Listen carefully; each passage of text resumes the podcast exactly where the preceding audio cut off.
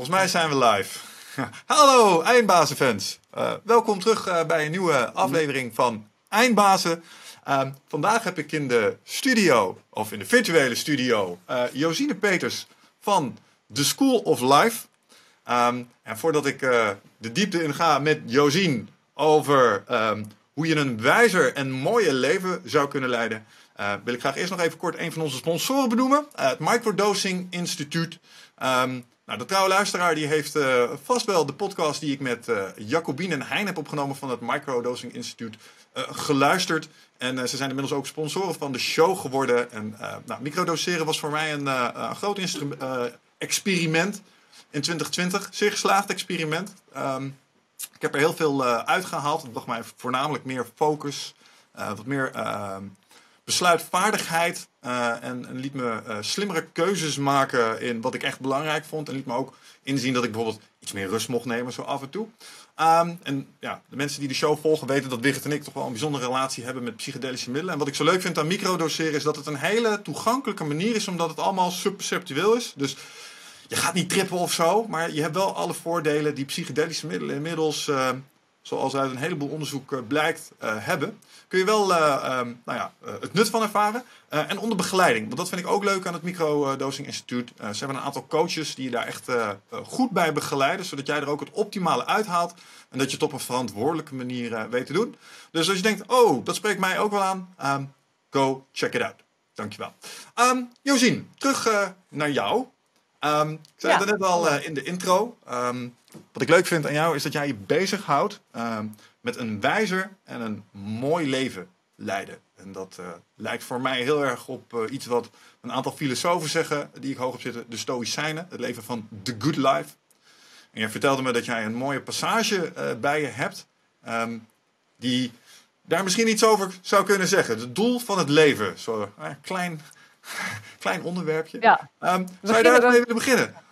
Ja, we beginnen niet, uh, gewoon niet al te hoogdravend. Nee, gewoon met, de met het, gewoon. Let's go. Ja. nou, dit is, uh, dit is een passage uh, uit een boek Narcis en Goldmoed van, van Herman Hesse, een Duitse schrijver. Ik denk vorige eeuw. En ja, waarschijnlijk zullen vast wel wat luisteraars dit kennen. Want het gaat eigenlijk ook over... Het, gaat, het zijn twee persoonlijkheden daarin... Um, die je misschien ook wel zou kunnen zien als, de, als twee mensen of persoonlijkheden die in een mens aanwezig kunnen zijn. En één okay. is, uh, is Goldmund en die leeft echt leeft als een askeet en die is een hoofd van een klooster. En ze, ze, ze, ze groeien als vrienden op ja. in dat klooster. En de een gaat helemaal die kloosterorde in en wordt hoofd van het klooster. En de ander die die uh, gaat het, uh, nou ja, het, het, wilde leven in, is zwerver, heeft heel veel vrouwen uh, en wordt kunstenaar en een beeldhouwer ook. En, en, aan het eind van eigenlijk hun levens ontmoeten ze elkaar weer in dat klooster. Ah. En, en der, daar gaat dit stukje over. En uiteindelijk is het, heb ik daar uit dat boek, wat ik twee keer heb gelezen, één keer toen ik echt vrij jong was, rond de twintig of zo, en, en, en de andere keer een paar jaar geleden, is gewoon één zin blijven hangen. Dat ik denk van nou, volgens mij gaat het daarom in het, uh, in het leven. Mm. Dus nou, Narcis zegt, um, een denker probeert het wezen van de wereld te doorgronden, te vatten door middel van logica. Hij is zich ervan bewust dat ons verstand en het werktuig daarvan, de logica, onvolmaakte instrumenten zijn. Net zoals een intelligent kunstenaar zich er heel goed van bewust is dat zijn penseel of zijn bijtel de schitterende wezenlijke aard van een engel of een heilige nooit op volmaakte wijze tot uitdrukking zal kunnen brengen. En toch proberen ze het. De denker net zo goed als de kunstenaar, ieder op zijn eigen manier. Ze kunnen niet anders en ze mogen niet anders doen. En dan komt mijn zin. Mm-hmm. Want een mens die zichzelf probeert te verwerkelijken door middel van de begaafdheden die hij van nature heeft meegekregen, doet het meest verhevene en het enige zinvolle waartoe hij in staat is. Dat was dan ook de reden dat ik je vroeger zo vaak op het hart gedrukt heb niet te proberen om voor denker of asket te spelen, maar jezelf te zijn, om te proberen jezelf te verwerkelijken. En dan zegt Goldmund, wat wil dat eigenlijk zeggen, jezelf verwerkelijken? Narcis, dat is een begrip uit de filosofie. Voor ons, leerlingen van Aristoteles en de heilige Thomas, is het meest verheven begrip dat er bestaat het volmaakte zijn. Het volmaakte zijn, dat is God met stippeltjes erachter. Wij zijn in wording, wij zijn mogelijkheden. Voor ons bestaat er geen volmaaktheid, geen volledig zijn. Maar op het moment dat we de stap zetten van het potentiële naar het reële, van de mogelijkheid naar de verwerkelijking, hebben we deel aan het ware zijn. Dan vertonen we een klein beetje gelijkenis met wat volmaakt en goddelijk is. En dat wordt bedoeld met jezelf verwerkelijken. Ongetwijfeld is deze gang van zaken je uit eigen ervaring bekend. Jij bent kunstenaar. En als zodanig heb je een aantal beelden vervaardigd. Als zo'n beeld nu echt gelukt is, als je de afbeelding van een mens hebt weten te bevrijden van bijkomstigheden en hebt teruggebracht tot een zuivere vorm, dan heb jij als kunstenaar het beeld van die mens verwerkelijkt. Dat is het. Het fragment. Dat is het. nou jongens, dat was het einde van de aflevering. De zin van het leven. Let's go. Um, Ja. Wauw. Ja, dat zijn een paar eh, intelligente zinnen achter elkaar. Um, Ja. nou, zou, je nog, zou je nog één keer dat stukje willen lezen? Wat Ja. je, want die moet ik En- even nog, nog één of twee keer horen, denk ik, voordat ik hem volledig Ja, en, grond, eh, en, en misschien ook een beetje mijn interpretatie daarvan. Hè? Want Ja, ik ben benieuwd, ja. Het is dus, want een mens die zichzelf probeert te verwerkelijken door middel van de begaafdheden die hij van nature heeft meegekregen, mhm. doet het meest verhevene en het enige zinvolle waartoe hij in staat is. En voor mij was dat dus op een gegeven moment een inzicht van ieder, je hebt talenten. Ja. En, en je kan naar van alles streven eh, in dit leven, in dingen bereiken of in beter worden of eh, ja, problemen oplossen. Maar ehm, dat vooral als je je talenten gebruikt, hè, dat zijn ook de momenten dat je in flow komt en dat je ja, de ervaring hebt dat je, nou, denk dat je, dat je volledig leeft. Mhm. Ehm, en dat, voor mij was dat eigenlijk een mogelijkheid om het dan even los te laten wat het doel van het leven is of wat dan ehm, ja, wat je verder nog zou moeten in het leven. Omdat hij zegt dan van nou dat is eigenlijk het meest verhevene en het enige zinvolle dat je kan doen. Dus gebruik, gebruik je talenten en ehm, als je dat ja, doet op een manier dat je, daar echt, ja, dat je daar echt voldoening uit haalt. En ik denk, die momenten moet je zelf herkennen. Natuurlijk, zoals, Mhm. zoals een kunstenaar een, een mooi beeld maakt, eh, dan leef je een zinvol leven. Ja. En ik, ik, ik zit daar wat langer over heel- na te denken. Ehm, ja. Want ehm, het komt neer op creatie, volgens mij. Het gaat over eh, volmaaktheid. En, en dingen, eh, stappen richting... eh, we zijn mogelijkheden, of hoe zei je dat nou? ja, het zijn mogelijkheden. Ja, Mogelijkheden, po- potentiële uitkomsten zijn Ja. wij. Ja, Dus wat, wat ik daarin hoor is dat in ieder mens schuilt de potentie tot iets, tot iets neerzetten, creëren, maken. waar die Ja. uitzonderlijk goed voor gemaakt is. En Ja, volgens mij ja. is het doel van het leven dat dingetje vinden waar jij, waar jij voor helemaal voor uitgeknipt bent. En dan Ja. je ding daarin gaan doen. ja. Dat is wat ik daarin hoor. Zie jij dat ook zo? Ja, dat, dat, is het, dat is het ook helemaal. En, eh, ik denk dat dat het eh, ja, van de, de stap zetten van het potentiële naar, naar, het, naar het reële, zeg ik Ja. weer. Ja, de, mogelijk, ja, de mogelijkheid invullen. En je ziet dat, ja, ik denk dat dat heel veel mensen toch heel veel ja, moeite kost. En misschien ehm, en naar, naar veel hogere doelen op zoek zijn. Ja. Goed, dan kijk je bijvoorbeeld in religie of zo, of in, in, eh, in, eh, in verlichting of religie of zo, zulke. Mensen denken altijd dat ze wereldhonger moeten oplossen voordat het zin heeft gehad of zo. Terwijl dat Ja, Ja, die, die, Ja. die, die snap ik wel. Als je kijkt naar ehm, waar je aan optrekt. Dus dan kijk je in de wereld en dan zie je allemaal dingen gebeuren. En dan denk je, oh, dat is allemaal wel echt groot. Als ik echt iets wil doen, moet ik Ja. dat, dat of dat gaan tackelen. En als dat het niet is, ja, is het maar in de marge of zo. Ehm, ik kan me dat gevoel wel voorstellen. Maar ik denk dat het tegenovergestelde waar is. Namelijk dat eh, als je als individu daar gewoon kleine dingetjes in doet, ehm, dat je impact vele malen groter is als je je realiseert. Want die Ja. dingen zijn allemaal tot stand gekomen door kleine handelingen van individuele mensen, ja, ja, dat ook. Ja, denk ik. Ja nee, nee, zeker. Want eh, de, ook de grote zaken zijn altijd met een paar mensen begonnen. Toch? Dat is ook wat. ehm, Ja, wij, hebben- wij hebben heel veel quotes hier altijd hangen bij de School of Life. En die Ja. eh, ant- antropologe Margaret Mead, die, eh, die zegt dat van... denk niet dat een kleine groep, een kleine groep mensen niet tot iets groots in staat is. Het, is eigenlijk het enige wat ooit gebeurd is. Mhm. Het Ja, is altijd. Zeker, chaostheorie. altijd. Ja. Dus eh, ook als je grootste dingen wil doen, ja. Ja. En ehm, wij hebben hier in de studio eh, eens een keer een meneer gehad. Eh, misschien ken je hem wel. Jaap Bressers. Maar die heeft dat heel mooi in perspectief geplaatst voor mij. Ja. Ehm, ik heb het vaker gehad over Jaap hier. Dus als je het verhaal nu voor de zoveelste keer soort, sorry.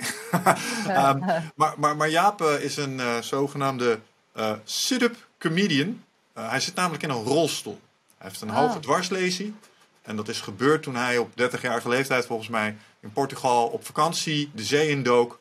En zijn Oh, nek ja. brak omdat hij op een eh, steen terecht kwam. Dat is een heel schrijnend verhaal. Maar ehm, ja, zoals hij het er nu over heeft, was het tegelijkertijd ook het beste wat hem ooit kon overkomen. En hij heeft daar de kracht geleerd van waar we het net over hadden. Hoe kleine individuele acties iets heel groots teweeg kunnen brengen. En iedereen heeft altijd een beetje moeite met, ja, maar hoe ziet dat er dan uit? Nou, Jaap liet mij zien hoe, dat, hoe ziet dat eruit. Nou, Jaap vertelt daar namelijk over iets wat hij noemt Carlos-momentjes. Ehm, want Carlos was een zuster daar, of eh, ja, een nurse, een male nurse, een broeder. Ehm, en die verzorgde hem. En ehm, Jaap kon dus nergens meer iets voelen, behalve in zijn nek, zeg maar. En wat Carlos eh, eigenlijk elke dag daar deed, was even twee minuutjes naast hem staan. Zo, even de hand zo, pop, in zijn nek zo. Hé, hey, hoe gaat het? Ehm, zo, van, dan kon hij even wat voelen. En in die paar minuten per dag vond Jaap de moed om het niet op te geven, eh, ervoor te gaan. Eh, en nu inmiddels spreekt hij regelmatig, eh, ja, met COVID minder natuurlijk, maar ja, hij deed stand-up, sit-up, grapjes. Hij maakte grapjes over. Waar een Willis is een weg is zijn, een van zijn taglines. En dat vind ik echt geweldig sterk. Ehm, maar, maar het liet hem ook, het liet ook zien hoe hij nu grote zalen mensen toespreekt, omdat ergens een zuster de tijd nam om twee minuten van zijn dag even naast hem te staan. Wat, wat op zich een relatief kleine daad is die iedereen hier die dit luistert zou in staat zijn om dat te kunnen doen. Ehm, en dat heeft groot effect gehad. En ik, ik, ik heb dit verhaal vaker gedeeld met mensen, maar ook met best wel grote denkers inmiddels, die nu ook kennen over Jaap en over Carlos. En die vinden dat ook een sterk verhaal. Dus het, het, komt, het, het zingt de wereld rond op die manier. Onze podcast wordt best wel vaak beluisterd. Had Carlos nooit kunnen voorzien dat hij op die manier een onderwerp werd van een, een inspirerend verhaal. Maar het was een hele kleine handeling. En dat vind ik een heel mooi ken- voorbeeld van hoe die kleine dingen zo'n groot effect kunnen hebben. Ja, nu ik het je hoor vertellen, herinner ik het me ook. Ik heb het, wel, ik heb het je wel al horen vertellen, inderdaad. Oh, dus ik ik- zit jou ook nu voor de tweede keer mee te vervelen. Nee, Ja, maar het is het is een, prachtig, eh, het is een prachtig verhaal. En, en nu dacht ik even van, kent Carlos het verhaal ook? Is hij nog wel niet. eens teruggegaan? Dat zou, een- Ik dat hoop zo iemand het. ook nog weet, ja. Ik hoop het wel. Ik hoop het wel. Ja. Dat, dat doet me toch wel denken aan iets wat, eh, wat Jos Burgers de, de wet der wederkeerigheid noemde. Een beetje goed doet, goed ontmoet. Ik hoop dan dat, Ja. dat, dat zo'n kleine daad door het universum uiteindelijk ook wel weer op een of andere manier beloond wordt of zo. Dat het naar hem terugvloeit. ja. By the way, even tussendoor, ik zie jou niet meer. Maar of, of zie jij dat ook, Robert? Dat ik hem niet meer zie? Oh, Ja, dit, is, eh, oh sorry. dit heeft te maken met Riverside. Ehm, hier gaat de opname gewoon Oh. goed. Dus hier wordt het vastgelegd. Dit is eh, waar we het aan het begin over hadden. Als je denkt, hé, hey, hij doet het niet. Hij doet het prima. Oh, oké. Ja, Ja, oké. dus goed. geen zorgen Dan, daar. eh, ja, Dat eh, loopt allemaal gewoon door. Ehm, ja. Hey, even terug dan naar eh The School of Life. Want Ja. ik, ik vind dat een tof concept. Ehm, zoals ik het je hoorde omschrijven, was dat jullie daar 500, 2500 jaar oude wijsheid ehm, eigenlijk hebben afgestoft. En nu opnieuw aan mensen meegeven om dus dat eh, wijzere en mooiere leven te leiden. Eh, en dat vind ik echt fascinerend. Dus eh, kun je daar nog eens iets over vertellen? Hoe is dat tot stand gekomen? Nou, de, School of Life is, ehm, ik denk nu alweer nou, ruim tien jaar geleden opgericht door, in Londen door de filosoof Alain de Botton. Dat is ook een, eh, een, een bestseller-auteur, dus die zouden best wat mensen eh, kunnen, kunnen kennen. En hij schreef ook boeken over liefde, eh, ja, over, over dingen in het leven. En hij zei, hij ging zich op een gegeven moment afvragen: wat is het toch eigenlijk raar dat je dan op school wiskunde leert en aardrijkskunde en geschiedenis en Frans. Ja. Maar niet hoe vind je nou een baan die bij je past? Hoe, hoe, ga je om, hoe, hoe maak je vrienden? Hoe bouw je zelfvertrouwen? Hè, hoe ontwikkel je zelfvertrouwen? Hoe vind je liefde? Hoe hou je een relatie goed? En hij dacht van, ja, waarom is daar eigenlijk geen school voor? Want hier heeft iedereen in het leven mee, mee te maken. Ja, dus, Ja. School, dus hè, de, de school die we kennen is ge- eigenlijk gericht ja, op, op, je, op je professionele eh, leven. En niet op het, het leven zelf. Dat moet je dan, word je dan geacht maar allemaal zelf te ontdekken. En toen dacht hij van, nou ja, als die school dan niet is, dan ga ik er maar beginnen. Dus hij is een schooltje begonnen in, in Londen voor volwassenen.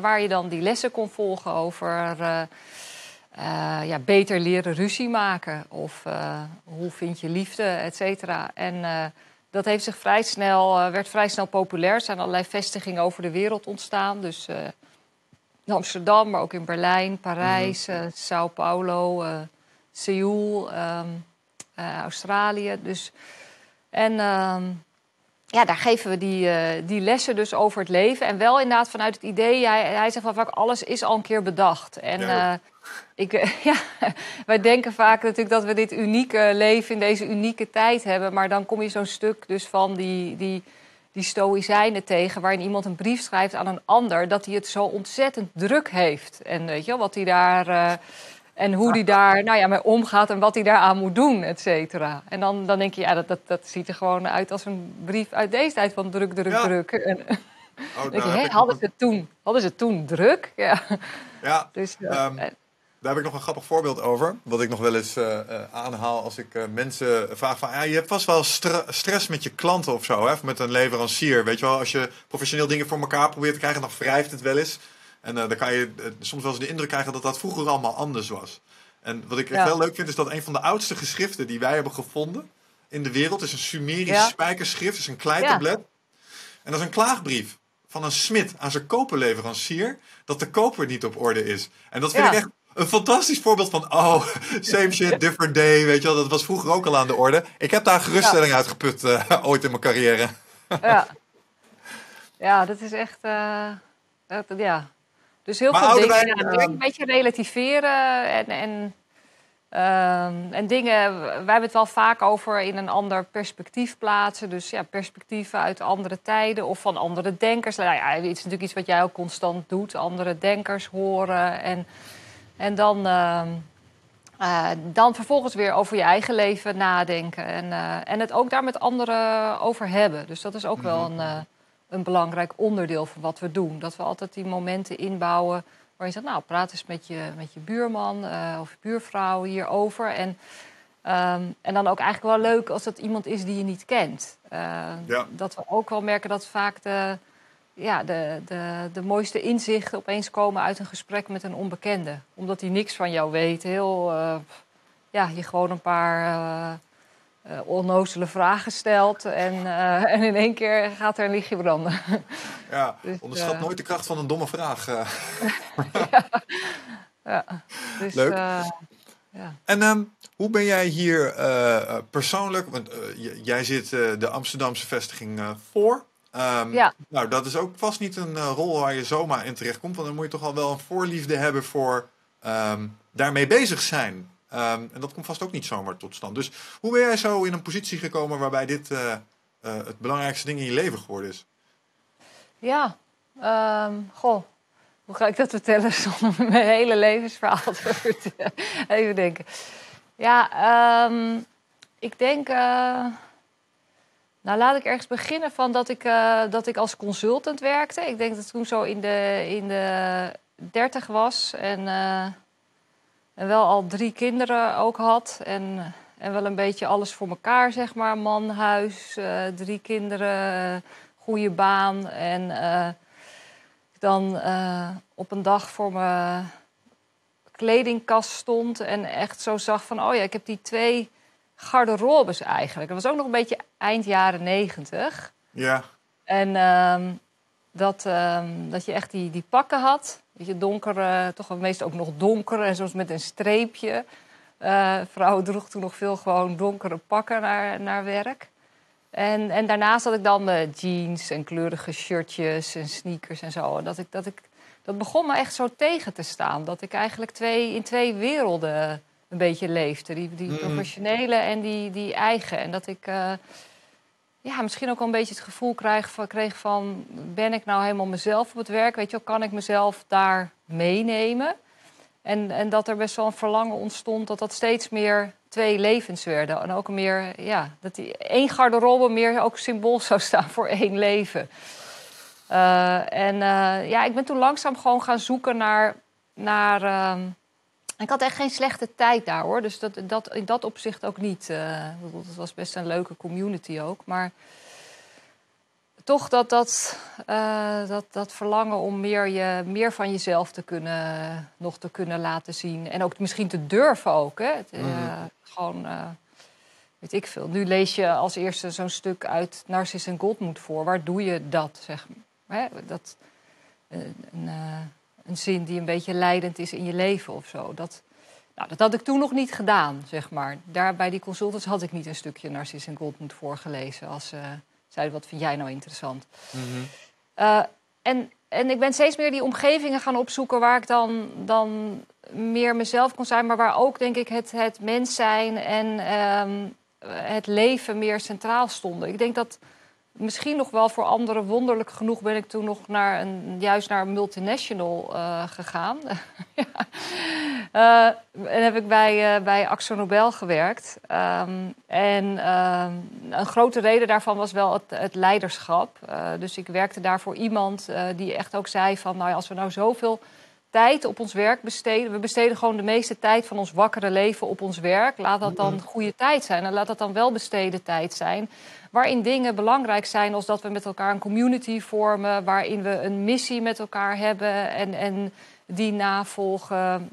Hè, waarin we nou ja, kwetsbare en eerlijke leiders durven, durven te zijn. En ehm, daar heb, ben ik allerlei ehm eh, programma's. Ik werkte daar aan organisatieontwikkeling. Ehm, dus ik kon allemaal missiegerelateerde activiteiten doen en, en persoonlijk leiderschapsontwikkeling. Mhm. deden veel leadership journeys ehm, en, en medewerkersbetrokkenheid en et cetera.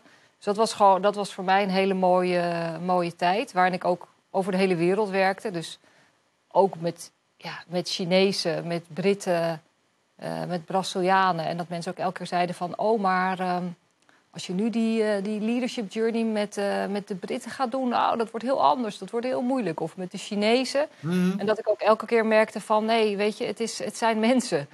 Ja. En ieder mens heeft die basis eh, ja, verlangens en hopen en, en angsten in het leven. En, en dus het is 80% het, hetzelfde. Dus, ehm, dus dat heb ik gedaan. En toen eh, heb ik daar nog meer op een corporate level gewerkt. Als, eh, laatste als head of culture. Dus dan deed ik het engagement-programma wereldwijd en diversity en inclusion en ook missiegerelateerde eh, values role. Eigenlijk al die aspecten waarmee je zegt van nou daarmee ehm, creëer je een werkomgeving eh, waar mensen ook op hun best eh, eh, kunnen zijn. Ja. En nou ja, op een gegeven moment eh, had ik daar nog wel wat meer idealen over. Dat, eh, het, eh, dat ik dat toch nog wel een, eh, wat verder wilde brengen. Gewoon meer richting self-management en helemaal purpose gedreven zijn. En je werkt dan ook jaren op zo'n strategisch niveau. Dus ik wilde ook wel weer meer met mijn voeten in de modder staan. En Mhm. eh, ja, ik heb toen mijn baan opgezegd. Ik dacht eigenlijk, nou, ik ga voor mezelf beginnen of zo. Ik weet nog niet precies wat, maar dat gaat zich wel, gaat zich wel uitwijzen. En toen eh, kwam ik via via, hoorde ik dat ze bij de School of Life toen, toen een zakelijk leider zochten. En ehm, ja, ik denk, ik had gewoon een soort van de combinatie van... ik weet wel hoe zo'n zakelijke omgeving dan werkt... Mhm. En tegelijkertijd gewoon een, een sterke drive dat het om zingeving gaat dan in het leven. En, eh, en ook ideeën over hoe ik dat met die organisatie wilde doen. Dus eh, toen ben ik hier, eh, hier begonnen. Dus ik ben niet een enorme filosoof of zo. Ik denk het meeste over filosofie heb ik hier, ge- heb ik hier geleerd. Ja. Oh. Ja, En, eh, maar wel gedreven vanuit duidelijke, een duidelijk norm en waardekader en een ideologie. Ehm, Ja. hoor, hoor ik daar ook wel in door. Want ik vind het heel knap dat jij in die tijd, ehm, en dan heb ik het even over die eind jaren 90, waarbij jij in eh, je battle armor eh, richting eh, kantoor vertrok. Tenminste, zo voelde het wel een beetje voor mij alsof je je harnas aan het aantrekken was, Ja. weet je wel. Als je je Ja. stropdas dan weer omdeed. Ehm, want, want ik heb dat ook al, ik heb dat ook meegemaakt en ik vond dat toch ergens ook wel iets kikkers hebben, omdat er heel veel het, het team gevoel in zit, weet je wel. Dus ehm, eh, het is ook heel makkelijk om in dat keurslijf mee te gaan en je daar ook eigenlijk wel lekker Ja. bij te voelen. En het is niet makkelijk om in, in een dergelijke dynamiek dan te zeggen, ja, weet je wat het is jongens? This ain't me. Uh, zeker ook niet als je gebeiteld zit, uh, zoals ik dan hoor. Dus je had je basisfundamenten had je staan. En om dan daar toch aan te gaan tornen, omdat je iets anders, iets, ja. iets groter als dat materialistische belangrijker vindt. Daar is toch wel een stukje moed voor nodig ook. Ja, ja, ja. En um, ja, misschien was dat met de overstap naar de School of Life nog meer. Want eigenlijk dan, ik, had, ik vond meer zingeving, maar ik raakte ook nog meer gebeiteld in zo'n corporate uh, op, uh, op hoog niveau. Dus uh, dan heb je nog meer om afscheid van te nemen. En um, dus. Maar ik neem toch aan dat je daar wel iets voor jezelf had geregeld. Dat je die garderobes in ieder geval beter kon combineren in wat je aan het doen was. ja, zeker. Ja, zeker. Dus dat. Dat wel. Ik zit even te denken. Wat was, dat was nou, jij vroeg of er moed voor nodig uh, was. Ja. Ja, nou, omdat uh, nou ja. mensen. Ja. Uh, ik herken het ook bij mezelf. Hè, want uh, ik denk dat als je erop terugkijkt dat, het, dat je super blij bent met dat je die keuze hebt gemaakt. Um, ik ben ook heel blij met ermee dat het uiteindelijk is gelukt om daar toch te kiezen voor iets wat beter bij mij paste. Um, zodat ik mijn talenten, waar we het in het begin over hadden, maximaal ja. kon gaan inzetten. En ik zie nog wel eens, um, want ik kom veel bij bedrijven binnen zie ik ook nog wel eens mensen zitten die dat stiekem al wel weten van zichzelf. Van, hmm. ja. Alleen die vinden die keuze maken uh, heel erg spannend. Ik ken directeuren, ja. die, die zitten uh, helemaal perfect, maar eigenlijk, ja, ze zeggen het echt hardop tegen me van ja. Ik weet dat ik iets anders zou moeten, maar niet nu. Weet je wel? Dan denk ik, ik snap je helemaal, maar goh, ik zou het je zo gunnen dat je het zou doen. Um, heb, je, heb je misschien iets van inzicht voor mensen die een beetje op dat punt staan op dit moment? Iets bemoedigend? Ja, nee, ik heb ze bij Alex Rebel natuurlijk ook wel, wel gesproken. En uh, ja, um, dat, dat, daar gaat het toch wel om. Van waar haal je uiteindelijk echt voldoening uit in het, uh, in het leven? En het mm. leven is natuurlijk ook maar kort. Dus uh, je kan elke keer denken van... ja, nu is het geld even belangrijker of de zekerheid, um, et cetera. Maar uiteindelijk... Um, haal je voldoening uit best wel basis, uh, basisdingen. Zoals de, de verbinding met, met andere mensen. En met een aantal mensen hè, die belangrijk voor je zijn in je leven. Of de tijd die je in de natuur kan, uh, kan doorbrengen. Ik denk dat je dat nu ook veel ziet, toch? Hoe, hoeveel mensen dat herwaarderen. En, uh, um, of ja, wat. wat dus ik, als je dat voor jezelf durft uh, te onderzoeken, wat is echt belangrijk voor mij, en dan uh, uh, een keuze durft te nemen, dan geloof ik dus heel erg ook dat, dat, dat dan de oplossingen op je afkomen. Ik heb zelf twee keer mijn, mijn baan dus opgezegd zonder een andere baan te hebben. En eigenlijk beide keren heb ik er ook een jaar over gedaan. En ik dacht dan ook nog wel dat dat ook door anderen kwam. Want dan vroeg zo'n vriendin aan me van, ja, maar Jij hebt toch een, uh, een leuke baan ook? Ja, ik heb best een leuke baan. En uh, je hebt toch ook een goede manager? Je hebt niet een vervelende manager. Nee, ik heb geen uh, vervelende manager. Nee, en, en je mag ook opleiding doen. Ja, je mag ook opleidingen doen. En je hebt een goed salaris. Jij hebt ook goed, goed salaris. Maar toch voelde ik diep van binnen bij mijzelf van... maar het, het, het geeft mij niet meer voldoening. En wat je, nou ja, ik denk ook jij het mooi uitdrukte van... ik kan er niet meer in, soort vrij in creëren. En dan um, dacht ik eerst nog van, oh ja, anderen zien mij natuurlijk ook wel in deze rol, waarin ik gewoon die consultant ben of die, uh, die leidinggevende in zo'n uh, in zo'n uh, multinational. Dus het is ook wel lastig voor anderen om te zien dat ik ook nog andere kanten heb. En op het mhm. moment dat ik mijn baan opzij en eigenlijk bij mijn manager was en mijn baan opzij en ik liep zo weg door die gang en toen dacht ik van anderen, weet je wel. Nee, het was gewoon zelf. Je, je, moet afscheid nemen van je identiteit. En ik denk dat dat is wat we steeds, steeds doen in het leven. We, we hebben een identiteit en dat, dat is ook maar goed. Want we moeten die steeds, moeten we weten, hè, creëren we een identiteit voor onszelf. Maar ja, die is een bepaalde tijd uh, houdbaar. En is, jouw is jouw jas of zo die je hebt aangetrokken, je identiteit reflecteert hij nog wie je van, uh, van binnen bent? Ik denk dat, dat, uh, dat je die vraag jezelf uh, zou, zou kunnen stellen. En dat het ook best wel logisch is dat je weer afscheid neemt van een identiteit en weer een iets andere ja. vormt. Ja. ja, ik denk dat, dat wat je zegt, de meeste mensen zoals jij het ook zei, ze voelen het wel. Of ze iets Ja, ze aan voelen het wel. Ik weet niet meer wie dit zei, was ook een slimme filosoof. Maar die zei, pas een beetje op met wie je doet, de, eh, alsof dat je bent. Want je wordt wie je doet, alsof dat je bent. Ja. Weet je wel? Ja. Dus als jij Ja. jezelf in een bepaalde omgeving op een bepaalde manier gaat manifesteren, omdat dat de way to go is daar. eh, maar dat is eigenlijk niet wie je echt bent. Ja, Dan gaat, dan gaat die disconnect, die gaat uiteindelijk gaat voor problemen zorgen. Ja. En dat heb ik zelf aan de lijve ondervonden. Maar je, je, wordt een, je, wordt, je wordt er wel een ander mens van. Ehm, en ja, in mijn geval was dat niet ten goede. Ehm, ja, snel, eh, gas geven op de verkeerde snelweg, zo voelde dat. ja, ja. ja. Ja, dus en, en natuurlijk de heel mensen die daar heel lang mee doorgaan, met die identiteit vasthouden, die, ja, die raken in een burn-out. Ik denk die heel vaak natuurlijk gewoon heel lang en vasthouden aan een leven wat, waar je de hele tijd van denkt, ja, maar dit is het goede leven, want ik heb dit en dat en ik ben succesvol hierin en ik heb die vrienden en ik kan dit en dat doen. Mhm. Maar Ja. eh, op een gegeven moment klopt het toch niet helemaal met wat ze diep van binnen voelen. En ik denk als je dat kan erkennen en dat kan, ja, dat kan, kan vinden, is natuurlijk het eerste. Dus veel, eh, veel, ik merk zelf ook, ja, dat is, dat is eng.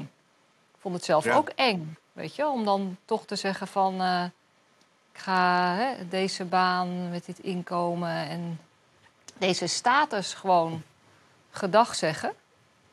Eh, en zien wat er komt. Ja, in mijn geval is er dan, was er echt binnen een week, hè, toen twee keer, twee keer dat ik mijn baan heb opgezegd, had ik binnen een week dus eh, het soort van perfecte aanbod. Ja, Maar daar had ik, was ik al een jaar mee bezig. Zo van, zat het een jaar al zo van, oh, misschien. En dus je praat er ook met veel mensen dan over.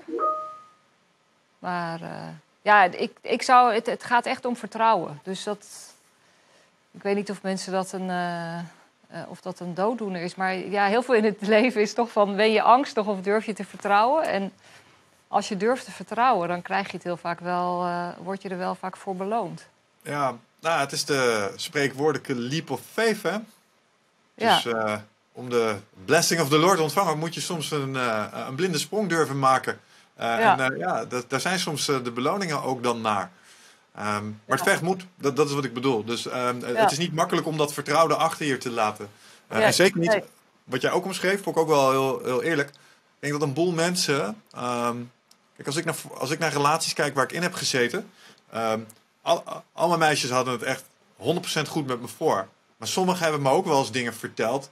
Waarvan ik achteraf dacht, hmm, misschien had ik daar op dat moment even niet zo op die manier naar moeten luisteren of zo. Weet je wel, had ik misschien iets zelfstandiger mijn keuze moeten maken. En dan was ik nu Ah, ja. Op een andere plek geweest. Omdat ze goed bedoeld houden mensen. Het hoeft niet per se je vriendinnetje of je vriendje te zijn. eh, maar het kan ook gewoon andere familieleden of vrienden en vriendinnen zijn. ehm, die de status quo een klein beetje willen Ja. hanteren. Ja, zij, ja, zij zijn ook een beetje bang.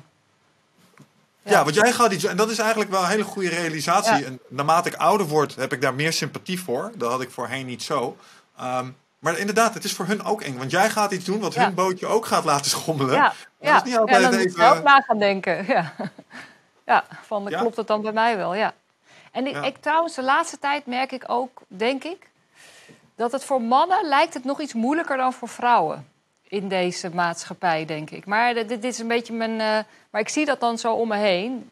Ik ben net, eh, net 50... Mhm. En ik heb eh, meer mannen, vijftigers, dus ook om me heen. En ik zie veel van hun nu voorzichtig die stappen gaan maken. En eigenlijk wat later dus dan, nou, dan ik zelf. En dat ik denk van, oh ja, maar die hele maatschappij, eh, die... eh, ja, wij vrouwen. Ik bedoel, sinds hoe lang mogen we iets überhaupt? Een jaar of honderd.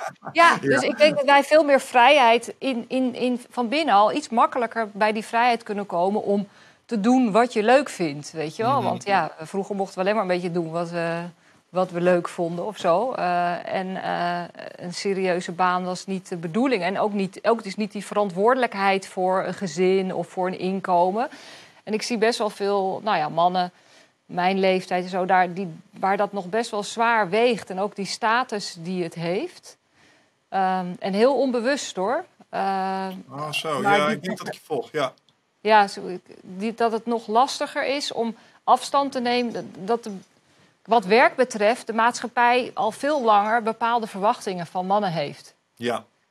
ik volg je. Ik, zeg, Ja, ik moet het dus- even helder, helder zeggen, ja. Dus, Dus wat je eh, zegt is, stel een situatie, ik zit in een eh, monogame eh relatie-unit en ik zeg als fan, weet je wat ik graag wil? Ik wil graag e-gamer worden. Dat wil ik echt heel graag. Maar dat betekent wel Ja. dat jij, lief schat, eh, voorlopig even in ieder geval, eh, Ja. de kost moet gaan verdienen. En dan zullen andere mannen naar hem kijken als denken van, de fuck gast, waarom lever jij geen centjes op voor je gezin? Ja. En, en daar zit dus een bepaald stigma op, dat is wat je bedoelt. En daarom is het moeilijker voor mannen om misschien vrijere keuzes te maken in hoe ze hun leven willen invullen. Ja, en daardoor denken ze zelf al van eh, ik kan het niet doen, want ik heb het gezin en ik heb die verantwoordelijkheid. Of, of, of ook zonder gezin hoor. Ik bedoel, gewoon dat idee dat, dat de, de beelden van dat een, een man wel succesvol is in zijn werk.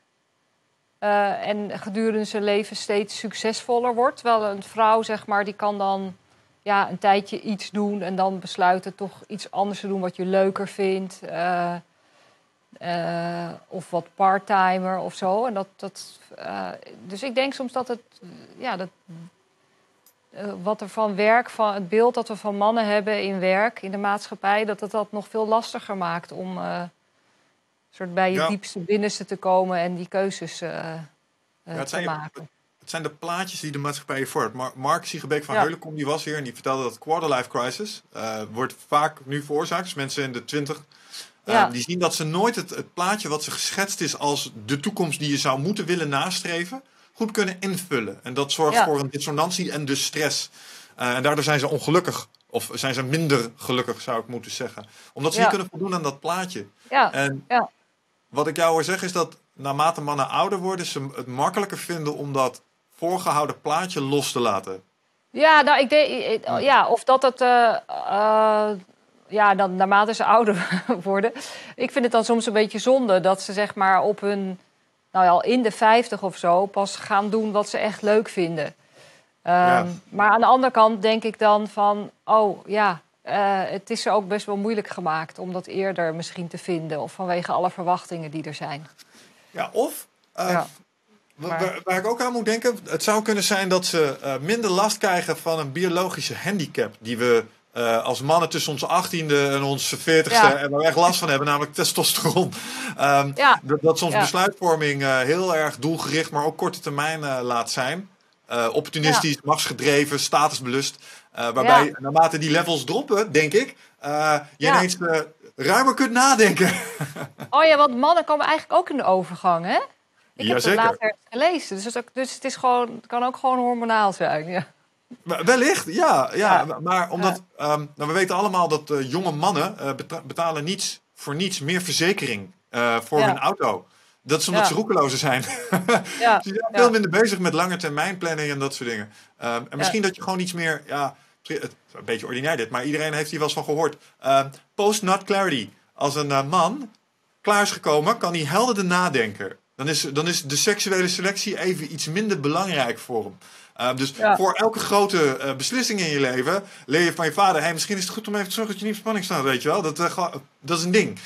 Um, en misschien is dat wel aan de orde hier: dat, dat mannen gewoon naarmate ze ouder worden, uh, dat testosteron iets minder hun besluitvormingsprocessen begint te beïnvloeden, waardoor ze ineens ruimte krijgen om na te Ja. denken, niet alleen over zichzelf, maar ook over hun gemeenschap. Ze zullen waarschijnlijk, als het eh, helemaal biologisch verloopt, hun, hun kleinkinderen en kinderen inmiddels ook zien. Dus dan ga je ook op een andere manier denken, denk ik. Um, maar misschien Ja. dat dat er iets mee te maken heeft. Ik weet niet waarom. Daar moest ik aan denken toen je dat zei. ja, nee, ik denk zeker. Dat, ik denk dat je gelijk hebt, ja. Ja. Interessant. Eh, ja, biologie in dat opzicht. Maar het zijn ook, ja, het is ook wel generaties natuurlijk. Het zijn ook wel meer...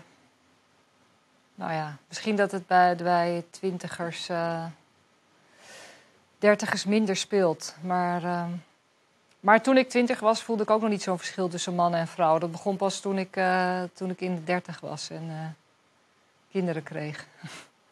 Ja, nou ja, als je ziet waar, hè, als je de biologische templates helemaal in werking ziet, dan zie je ineens waarom sommige eigenschappen er gewoon zijn.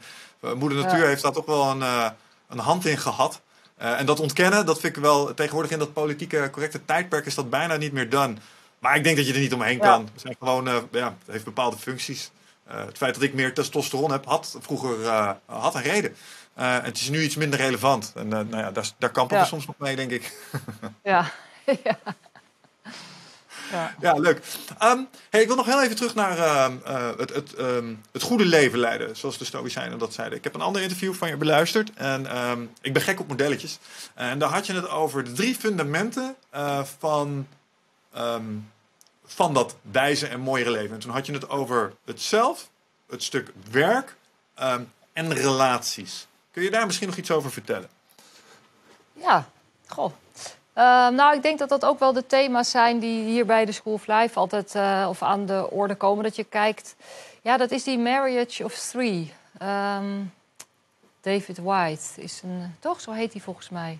Oké, Nou, ik ken het niet, maar Nou, dat is een dichter. Maar die, volgens mij heeft hij dat. eh, dat eigenlijk als je kijkt dan van wat is nou in het leven ehm, belangrijk. Dus wat maakt een. Eh, wat zijn de domeinen in je leven? Dan, is het het dan zou je drie cirkels kunnen tekenen. Eén het zelf, één de relaties en ehm, ja, het, eh, eh, het werk of je. ehm, datgene waarin je, je misschien je talenten je talenten professie. ontwikkeld. Ja, zeg je, je Ja. professie? Ja. Ja. ja. ik zit even te denken aan mensen die dan niet, misschien niet werken, maar wel natuurlijk je verbinding met de, met de maatschappij of je rol in de maatschappij. Zo zou je het misschien ook kunnen. Ja, nou, je, Eh, kan, kunnen- eh, je kan ook een niet betaalde professie hebben, denk ik. Ja, precies. Ja. Dus, eh, en dat- dus als je wat, ehm, ehm, eh, nou ja, wat, wat beter wil kijken naar je, naar je leven en waar je, waar je staat en waar je eh, voldoening uit haalt, dan kan je ook die drie cirkels tekenen. En dan zie je ook soms dat er zijn periodes dat je meer met het zelf bezig bent. En dat bijvoorbeeld iets als eh, zelfvertrouwen of eh, eh, ehm, zelfkennis enorm leidend is in je, in je leven. En er, en er zijn, maar ik denk dat ze alle drie heb je ze, ja, zijn ze aanwezig en heb je ze nodig. Ehm, ja, heb je ze nodig. Dus de, en door het meer eh, naar die drie onderdelen te kijken, kan je misschien ook zien van, oh, ik, er zit nu wel heel veel, nou ja, de- bijvoorbeeld, eh, je bent heel veel met de professie bezig, weinig met zelf en weinig met relaties. En dan, dan raakt er iets uit balans. En je zal wel zien dat het in je leven je, je, de verschillende accenten zijn. Dat sommige tijden misschien, eh, nou ja, ik denk, ik heb allemaal puberkinderen.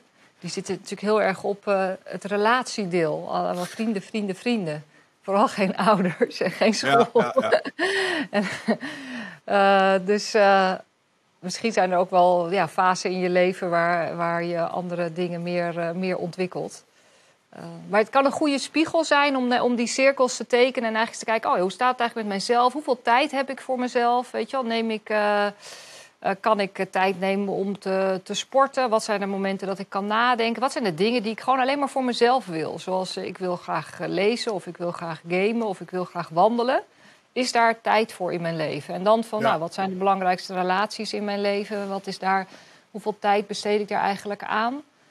En, als je dat, en, en wat is dat welke rol speelt dat werken in mijn, in mijn leven? En, en hoeveel voldoening haal ik daaruit? En op die manier kan je een beetje tweaken en kijken van eh, wat heb ik nodig nu? Ja.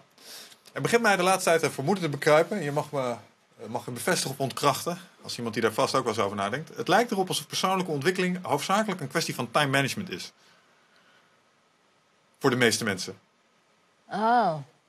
We weten wat we willen. We weten waar we zouden willen ontwikkelen. Alleen waar halen we in godsnaam de tijd vandaan om dit te doen? Ja. ja. Omdat de keuzes werk-privé, zeker ten tijde van COVID met blurring en alles, is helemaal in elkaar overgelopen. Ehm, maar is dat iets wat jij herkent? Dat het vooral het vinden van de tijd is om de dingen te doen die je zou willen doen en dat daar andere keuzes moeten worden gemaakt? Want dat is voor mij wat time management is. Ja. Nou ja, het gaat heel vaak om aandacht, toch? Van, van wat, time management. Want dat vind ik ook wel. Ik heb er vroeger ook wel zo'n cursus gevolgd. Dan krijg je allerlei trucjes, et cetera. Maar uiteindelijk gaat het om waar gaat je aandacht naartoe? Mhm. En, maak je dan de keuzes die, eh, hè, eh, die, eh, die goed voelen voor jou. En die voor jou dus een beter leven maken. Mhm. En ook dat opnieuw zijn natuurlijk soms best wel... Ja, en waar gaat nou... Ik bedoel, we worstelen natuurlijk allemaal altijd met werk, toch? Ik denk niet zoveel mensen die dan denken... oh, er gaat echt te veel tijd naar mijn relaties, ja, misschien sommige. En, en te veel tijd naar mezelf. Mhm. Dus ze worstelen met dat werk. En ja, daarom denk ik ook wel dat dat persoonlijke ontwikkeling en goede tijd ook op je werk moet zijn. En dat dat Mhm. dus niet een keuze moet zijn van, oh ja, ik ben dan, ben dan op dat werk en dan daar eh, sta ik eigenlijk persoonlijk even stil. eh, om daarna weer te bedenken wat ik allemaal, eh, waar ik voldoening uit haal. Ja. Ja. ja, je zei het in, Ken je in de prep. Je Ja. zei het in de prep al even. Ehm, je wordt daar iets, iets radicaler in. Ehm, omdat je zegt, ja, eh, het werk, je leven vindt voor het overgrote deel plaats op het werk in sommige gevallen. Voor een heleboel van de mensen. Dus daar zou ook de ruimte moeten zijn voor dit proces. Ja. Ja, en ik heb zelf door die, eh, door die jaren ook bij, uh, bij Axel Nobel, waar ik dan veel van die engagement-theorieën en modellen heb gezien. Ehm, en ehm, eh, nou ja, daar veel, eh, veel over gelezen heb en gezien, heb ik zelf ook een beetje mijn eigen model ontwikkeld van wat, wat is nou eigenlijk. Wat, he- wat hebben mensen nou nodig om ehm, nou, eigenlijk eh, zich, zich goed te voelen, maar ook voldoening te vinden, gelukkig te voelen, zo je wil, Ja. hè, op, op werk. Soms klinkt dat wat plat, maar uiteindelijk, ik bedoel, uiteindelijk zijn we allemaal op zoek naar geluk of diepere voldoening. En ehm, het verrassende is dat het dus allemaal niet zoveel verschilt gewoon wat, van wat kinderen nodig hebben. En we, hebben, we, ja, ja, we zijn dus gewoon, kinderen zijn ook mensen. Ja, ja. zijn al mensen. wij zijn dus net kinderen, begrijp ik. Ja, ik snap het. Ja, ja, ja, in zekere zin. Ik vind het echt, eh, ja, ik vind het heel, eh, vond het wel een leuke ontdekking. Maar als je nou kijkt van, wij weten echt best wel goed al wat kinderen nodig hebben. Hè? Mhm. Ik weet niet, heb jij kinderen? Of, eh, Nee. Nee. Oké, nou goed, maar je, je weet het waarschijnlijk nog steeds wel. Maar van, want Nou, ik heb, eh, ik heb iemand waar ik dagelijks eh, berichten mee uitwissel. Dat is mijn wingman, dat is een accountability buddy. En die is net vader Ja. van zijn tweede. Ik krijg dagelijks eh, allerlei verslaggeving van hoe dat eruit ziet. Ehm, ik realiseer me wat dat teweeg brengt in een leven. En dan, en dan denk jij, en negatieve zin in dat opzicht. ik zeggen, dat het, het is nogal bevestigend voor je eigen keuze waarschijnlijk. Want dan denk je elke keer, Nou, oh. niet altijd. Sterker nog, een paar keer heb ik gedacht van... Ja, dit zijn toch wel de krenten die het potentieel allemaal waard maken. Dus, en, en die kan hij ook heel mooi benoemen. Dus tegelijkertijd eh, denk ik soms... Ah, mijn keuze is de beste. En soms denk ik... Ja, maar dit ga je wel missen, Mies. Dus eh, Ja. en dat heeft ook iets eh, van waarde. Dus nee, dat doet hij heel goed. Heel gebalanceerd. Oké, ja, ja, ja. Niet alleen maar van we zijn zo moe en... eh, ja, Nee, nee, nee, maar het, het zit er zeker in. Ja, maar ja, goed, kind, wat, wat kinderen bijvoorbeeld nodig hebben, is gewoon die psychologische veiligheid. Hmm. En, eh, verbinding met, nou ja, de, de- dat weet je ook, psychologie, met de primaire verzorger. Ehm, en al- als een kind gewoon goed gehecht is, nou, dan, dan eh, voelt het zich veilig en dan kan het, eh, hè, kan het zichzelf zijn, kan het ontplooien. Hoeft het niet angstig te zijn. Mhm. Nou, dat, dat is super, super belangrijk. Vervolgens zie je dat ze ook vaak willen weten van waarom. eh, er komt ook zo'n fase dat kinderen steeds maar waarom vragen. Dus wat ook best wel belangrijk is, is dat je weet waarom je iets doet. Dus dus nou, dat kunnen we dan purpose noemen, of eh, hoger doel, of eh, missie. Maar we, Mhm. ook, ook kinderen die gaan niet echt iets doen als je niet kan uitleggen waarom dat dan nodig is. Dus die willen ook vaak kunnen schakelen van oh, wat is het doel hiervan, wat is de betekenis hiervan. Nou, dan een, een derde is autonomie. Dat eh, kinderen hebben ook al vrij snel zo'n zo'n periode dat ze alles zelf doen, zelf doen. Weet je, al zit het eten overal, ik ga het wel zelf doen. Eh, en, en dat is in werk ook. Weet je, je wil een zekere vrijheid om de dingen die jij doet binnen, nou ja, binnen bepaalde kaders te doen op de, hoe jij denkt dat het, eh, dat het werkt en hoe het voor jou werkt. Nou, en dan hebben ze ook ehm, eh, nodig dat ze het gevoel hebben dat ze zelf iets, iets kunnen. Hè, dat ze competent zijn en dat, nou, en dat ze daar ook erkenning voor krijgen. Goed gedaan. En eh, dat ze kunnen. Nou, dat ze iets nieuws kunnen leren. En ook dat zit best wel. Ik geloof ook dat dat heel intrinsiek in de mensen zit. Dat eh, de wil om, om te ontwikkelen en om te leren. Mhm. Je hoeft een kind niet te leren lopen. Het krijgt een handje of een tafeltje. En dan gaat het zelf eh, eh, verder. En zo is het met allerlei dingen. Er, moet gewoon, ja, er zijn fases waarin je open staat. En dan, dan leer je iets. Meer openstaan voor het eh, leren. Nou, die elementen, dat gehecht zijn, dat een doel hebben met elkaar, die vrijheid hebben, dat willen leren, dat, dat zijn mensen. En dat zijn dus ook mensen in organisaties. Dus binnen organisaties ehm, moet dat er ook zijn, zeg maar, om, om voor mensen om zich goed te voelen. Maar wat we natuurlijk zien, is dat heel veel organisaties nog ja, een soort ziekmakend zijn. het is uh, waar, waar mensen gestrest zijn, uh, veel conflicten hebben, nou ja, niet weten waarvoor ze het doen, geen uh, gemicromanaged worden. Mm ja, instrumentele dingen moeten leren, maar niet de dingen die, die ze leuk vinden. Um, dus ja, ik, ik denk dan van hè, dat we wat dat betreft dan dat werk vaak gewoon heel instrumenteel benaderen. En, en uh, de mensen dat, dat, uh, dat werk moeten, moeten doen. En hoe meer, je, hoe meer je, denk ik, die voorwaarden kan creëren van veiligheid, verbondenheid, vrijheid, doelen hebben en, en jezelf kunnen ontwikkelen. Dus ook weer je eigen talenten echt kunnen benutten. Mm -hmm. um, nou ja, hoe meer dan mensen ook echt zichzelf verwerkelijken. En dat heb ik heel erg hier, in de, hier op de werkvloer gemerkt. Uh, omdat we op deze manier nou, met elkaar proberen te werken. En mhm. eigenlijk uh, wat ik het verrassende vond, was uh, dat er ook iets gebeurde wat ik helemaal niet zozeer had verwacht. Op een gegeven moment toen met, met het leren en het budget wat mensen daarvoor hebben... dat steeds meer mensen zeiden van nou, ik wil eigenlijk naar een therapeut. En, um, en dat ze gewoon ja, dingetjes in zichzelf, groot en klein. Want ik bedoel, iedereen heeft zijn heeft littekens. Uh, het, is allemaal niet, uh, het is allemaal, hoeft allemaal niet wereldschokkend te zijn en, en heel traumatisch. Maar iedereen heeft gewoon zijn bagage bij zich. En dat steeds meer mensen zeiden van... Nou, ik wil daar wel eens wat dieper over praten en er wat meer achter komen. Dus ik merkte eigenlijk dat door die voorwaarden met elkaar in te vullen... die je eigenlijk op een school wel probeert te doen... of op een crash, waar allemaal die, allemaal die omgeving creëren... waarin, waarin dat mens zijn en kind zijn of zo kan, kan floreren. Dat als je dat op het werk uh, doet, dat er best wel iets, uh, iets bijzonders ontstaat. Omdat je, ik had zo'n ervaring dat je neemt in één keer alle ruis weg. Dus want mensen hoeven niet meer voor hun vrijheid te vechten. Ze hoeven niet meer te zoeken hoe ze hun talenten kunnen gebruiken. Ze hoeven niet meer zich bezig te houden met conflicten met andere mensen. Of, uh, omdat we dat allemaal met elkaar zeg maar, steeds aangaan en, en oplossen vanuit die nou ja, die, die, die pijlers die ik eh, hier belangrijk vind op de werkvloer. Dat er echt een soort echte vrijheid staat om, ontstaat om echt te ontwikkelen. Ja, en, ja uh, dat zou voor een boel bedrijven denk ik een hele grote stap voorwaarts zijn. Als ze daar iets in uh, weten te realiseren. Um, nou, ik zei het er straks al, ik kom bij best veel organisaties. Ik heb ook veel contact met de HR, HR-mensen daar. Dus die, die, die ja. kampen met dit soort dingen.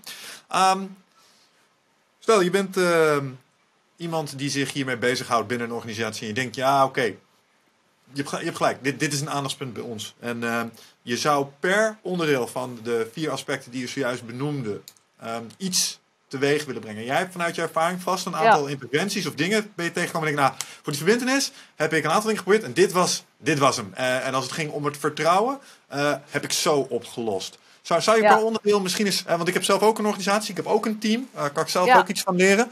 Uh, wat zijn dingen om die vier aspecten gewoon beter te doen, die gewoon lekker concreet zijn, hands-on? Wat kan ik, wat kan ik vormgeven daarin? Nou, bij, bij uh, verbinding, wat wij hier dus al vijf jaar doen, en dat verveelt nog steeds niet, is het als wij hebben een wekelijkse teammeeting. En dat iemand die, die teammeeting, uh, dat iemand doet de introductie tot die teammeeting. Nou, dat is oh, ja. maximaal een kwartier. Maar dat onderwerp is dus helemaal vrij. Dat, uh, dat, en we hebben hier, het mag overal over gaan. En we hebben hier, nou de laatste ging over uh, de, uh, volgens mij was het sakura, de Japanse bloesem in Japan. Wat dat, oh, ja, de, ja, ja, de, betekenis daarvan, de, dat nu alle kersen, alle bomen met kersenbloesem bloeien. En, en nou, die, die, die collega die heeft ook twee jaar in Japan gewoond. En die vertelde wat dan daar de de, nou, de hele blije kanten van zijn, maar wat ook een beetje een schaduwkant daarvan is. Hele, hele filosofie daarover. Mm. Nou, dan hebben we met z'n allen weer wat. We hebben en iets, weer iets leuks geleerd. En we weten weer iets meer over hem. Van, oh ja, hij heeft Japans gestudeerd, hij heeft in Japan gewoond. Uh, maar uh, ja, zo heeft er ook wel eens iemand. Dus het gaat soms over hobby's of over een boek wat iemand gelezen heeft. Maar het ging ook wel eens over. Uh, over best wel uh, uh, persoonlijke dingen. Er heeft ook op een gegeven moment iemand die, uh, die um, eh, een, een bijna burn-out had en in, in therapie zat, delen uit haar dagboek voorgelezen. Zo, mooi. Ja, dus dat Ja. was ook wel. eh, Dat is dan ook. Ik wou het zeggen, dat begint natuurlijk niet in jaar één. Dus dat groeit ook met elkaar. Dat er, ja, ik wou het zeggen, want dan klinkt het zo van: oké, nodig je mensen even uit om iets uit een dagboek voor te lezen. Nee, nee, nee, ik, ik snap het. Begin gewoon met. Wat was er? eh, een film, een boek, een hobby, een, eh, iets wat je. Ge, een vakantie. Ik heb ook wel eens eindeloos mijn vakantiefoto's laten zien. niet doorhebben dat, dat het wel heel lang duurde. Tot grote verveling van iedereen, maar ach ja. ja. Zo het. helemaal gek van bergen. En jongens, dit moeten jullie zien. En, ja. maar, en, en langzamerhand ontstaat daar dus steeds meer eh, intimiteit en, en verbondenheid. En leer je elkaar meer echt als mens eh, kennen. Dus dat is, Ja. dat is een voorbeeldje van wat heel effectief is. Kwetsbaarheid en authenticiteit zie ik daar. Ja. En die, die zorgen voor die intimiteit en dat zorgt voor verbindenis volgens mij. Dus ja, ik snap het. Oké, mooi. Dat is een heel goed Ja. voorbeeld. Dankjewel. Die tweede, veiligheid. Veiligheid, eh, nou wat wij bijvoorbeeld eh, gedaan hebben. Wij gaan dan eh, ook af en toe op kamp, dat doen we daar. Dat hebben we daar gedaan. Nou, waren best wel wat irritaties. Of we wilden we elkaar ook wat beter begrijpen. En dan ging het ook weer over feedback. Dat heb je natuurlijk ook in allerlei organisaties dat dat belangrijk is. En toen hebben we onze eigen gebruiksaanwijzingen gemaakt. We hadden een aantal leidende vragen. Zo van, nou, wanneer raak jij geïrriteerd? Nou, Ja. als of dat of dat. Waar word jij nou heel erg blij van? Ehm, Waar, eh, hè, waarvoor kan je echt bij mij zijn? Wat moet je mij liever niet vragen? Eh, en dat hadden we. En die vragen, ik bedoel, ik noem er nu een aantal, maar denk zelf even na van wat zijn nou echt de relevante vragen hier, hier nu voor ons. Ehm, en die vragen dus nou, allemaal even de tijd nemen om die vragen te beantwoorden, dan dat met elkaar eh, te delen. Ehm, ja, daar kan je nog wat vragen over stellen aan elkaar. En ja, dat is best wel eh, ehm, eh, inzichtelijk. Want soms zitten natuurlijk, of vaak zitten achter irritaties, zitten gewoon bepaalde overtuigingen of waarden die je hebt. Mhm. Ik, ik kom bijvoorbeeld dan eh, best wel ergeren als ehm, mensen in het team dan iets gaan. eh, dat er iets geregeld moet worden en dat ze het dan eerst voor zichzelf regelen en dan moeten anderen het met hele kleine dingetjes. Dat je echt denkt van ja, waar, waarom zou jij je daar zo aan ergeren? Ehm, en eigenlijk kan ik ook best goed inkomen dat anderen zich daar helemaal niet aan ergeren. Denken van nou, dat regelt toch iedereen gewoon even zelf voor zichzelf. Maar blijkbaar is er bij mij dan een hele sterke overtuiging dat, ehm, dat je voor het hele team zorgt als je iets, eh, als je iets doet. Mhm. Of als er iets geregeld moet worden waar iedereen bij betrokken is. Dus ik raak dan een beetje geïrriteerd. En dan eh, pak ik het over en dan ga ik het alsnog doen. Nou, dat is voor anderen, als ik dat vast voor mezelf ook goed om even over na te denken. En dan te zien van, oh ja, dus eh, ik raak Ja. hierdoor geïrriteerd. Maar het komt gewoon voort uit de waarde dat ik, dat ik vind dat we dan voor elkaar eh, ehm, eh, zorgen. En niet mensen, ja, voor mijn gevoel, aan hun lot overlaten. Maar dat is natuurlijk, ja, zo groot was het ook weer niet. En anderen die snappen ineens van, oh, waarom kan jij je over zoiets kleins nou ergeren? Of waarom kan je daaraan ergeren? En, ehm, en het leuke is, die hebben dan, eh, we hebben zo'n soort, eh, ja, eh, eh, hoe noem je het, een gedeelde, waar je je documenten opslaat. En dan heb je daar ergens de, de gebruiksaanwijzingen. En volgend jaar komen we er weer eens op terug. Dan stellen we, misschien een, stellen we misschien een andere vraag die dan relevant is. eh, Ja, hoe communiceer je met elkaar? Eh, ja. Eh, dus dat is een beetje Waardevol. Ja. ik heb een keer heel erg om, hard om mezelf eh, moeten lachen toen ik eh, de handleiding vond van mijn... eh, ben jij bekend met de 16 Personalities persoonlijkheidstest? Zo'n Briggs Myers. eh, En Ja. dan komt er zo'n eh, eh, MBTI. NJ. ja. Ik ben bijvoorbeeld een NJ. En er zijn andere mensen zijn een ENFP of zo. En Ja. als je die test wel eens hebt gemaakt en als je naar deze podcast luistert, denk ik, oh, na, de, na deze podcast even wat leuks doen. Ehm Ja. 16 Personalities maakt een gratis eh, persoonlijkheidstest. En dan moet je daarna voor de grap even, en dat was in mijn geval, vond ik heel hilarisch. eh, ik ben een NJ, NJ en dan Field Manual. Dus exact wat jij zei, de handleiding. Ja. En dan lees je een paar dingen over jezelf en denk je, ja, ja nee, dit, echt, Ja. exact, dit is wat je moet doen bij mij, weet je wel. Ja. Ehm, dus ik vind het een fantastisch voorbeeld van eh, hoe je elkaar, en het helemaal als je hem zelf zou schrijven, want ik zag ook nog wel wat verbeteringen eh, die ik zou aanbrengen in die handleiding. Maar uh, geniaal. En dan ook nog eens delen op een, op een gedeelde drive. Zodat als je even met iemand een overleg of in moet en je hebt een moeilijk dingetje, dan, dan, pak je de handleiding er even bij. RTFM. ja. Mooi, leuk. Ja, en, en dan natuurlijk die testen, wat mensen best wel leuk vinden binnen organisaties. En, maar daar dan, uh, omdat je natuurlijk ook met elkaar een taal creëert om, om het over elkaar te hebben. Ja. En, en, maar je ziet natuurlijk, nou hier heb je 16 persoonlijkheden. Je, wat natuurlijk heel bekend is, is het een geel, groen, uh, rood, blauw. Ja, of disc of whatever. Ja. ja. ik vind alleen een beetje zonder daarvan dus van dat je, dat je dan, um, nou ja, het is iets meer een, uh, een stempel of een hokje, weer zo'n identiteit die je eigenlijk krijgt aangemeten. Oh ja, jij is zo blauw, weet je wel, van, of, uh, of zij is zo geel en niet te stoppen, al die ideeën. Maar het moet ook even nu. Nou, dus het, het, geeft wel herkenning, maar um, uh, het is niet helemaal authentiek. En je hebt er niet, daardoor niet altijd zelf iets aan voor je verdere ontwikkeling. Want je bent dan blauw of je bent groen. Ja. Dus ik vind het wel leuk als je probeert die dingen dus echt zelf te pakken te krijgen. Want dan, ja, dan is het ook wat op dat moment in je leeft en wat je in je confrontaties met anderen tegenkomt. Ja. Ja. En, uh, ja. En, en, een hulpmiddel wat wij dan ook wel gebruiken is het Strengths Assessment. Van Gallup is dat. Ik weet niet. Uh, maar dat, dat, dat gaat uit meer van er zijn 34 talenten.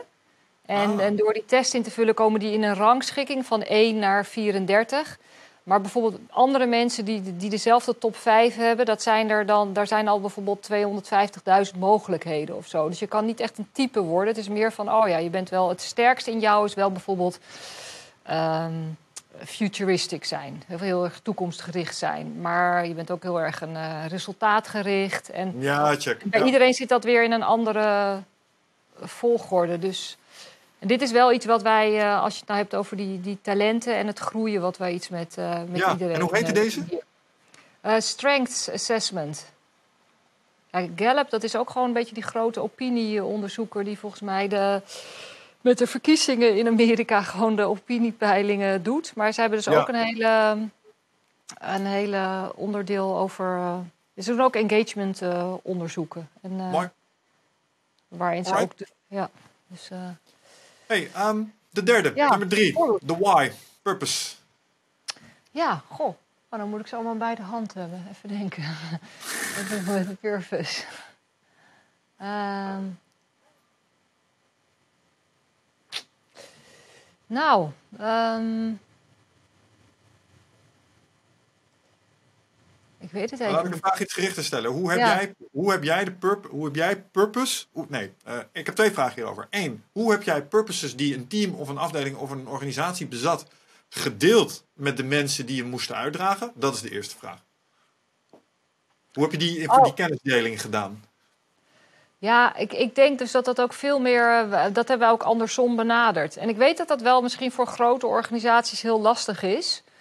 Ehm, eh, maar goed, ik denk dat de meesten dat ook wel, wel, eh, wel doen door er veel mensen bij te betrekken. Maar bij ons was het veel meer van. We deden met elkaar een. een ehm, eh, zo'n zo'n leadership journey. Dat je eigenlijk je levenslijn deelt. En dan wat, wat haal je daar nou voor talenten uit. En dan ook van wat, wat drijft je vooral in het leven. En we hadden die.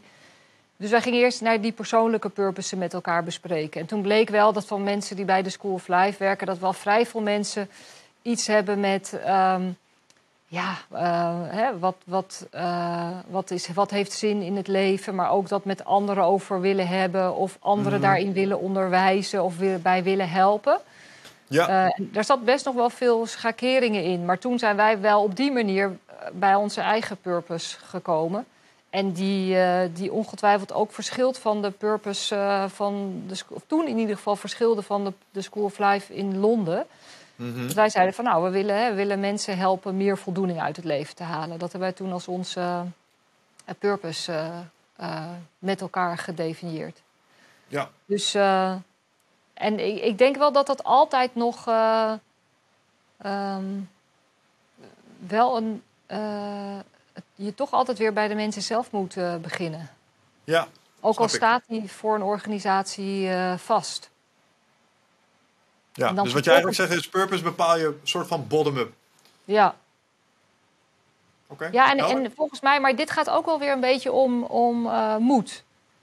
Dus ehm, kijk, veel, in, in veel organisaties zouden dat niet doen. Want zeggen ze, ja, maar stel dat daar nou iets anders uitkomt.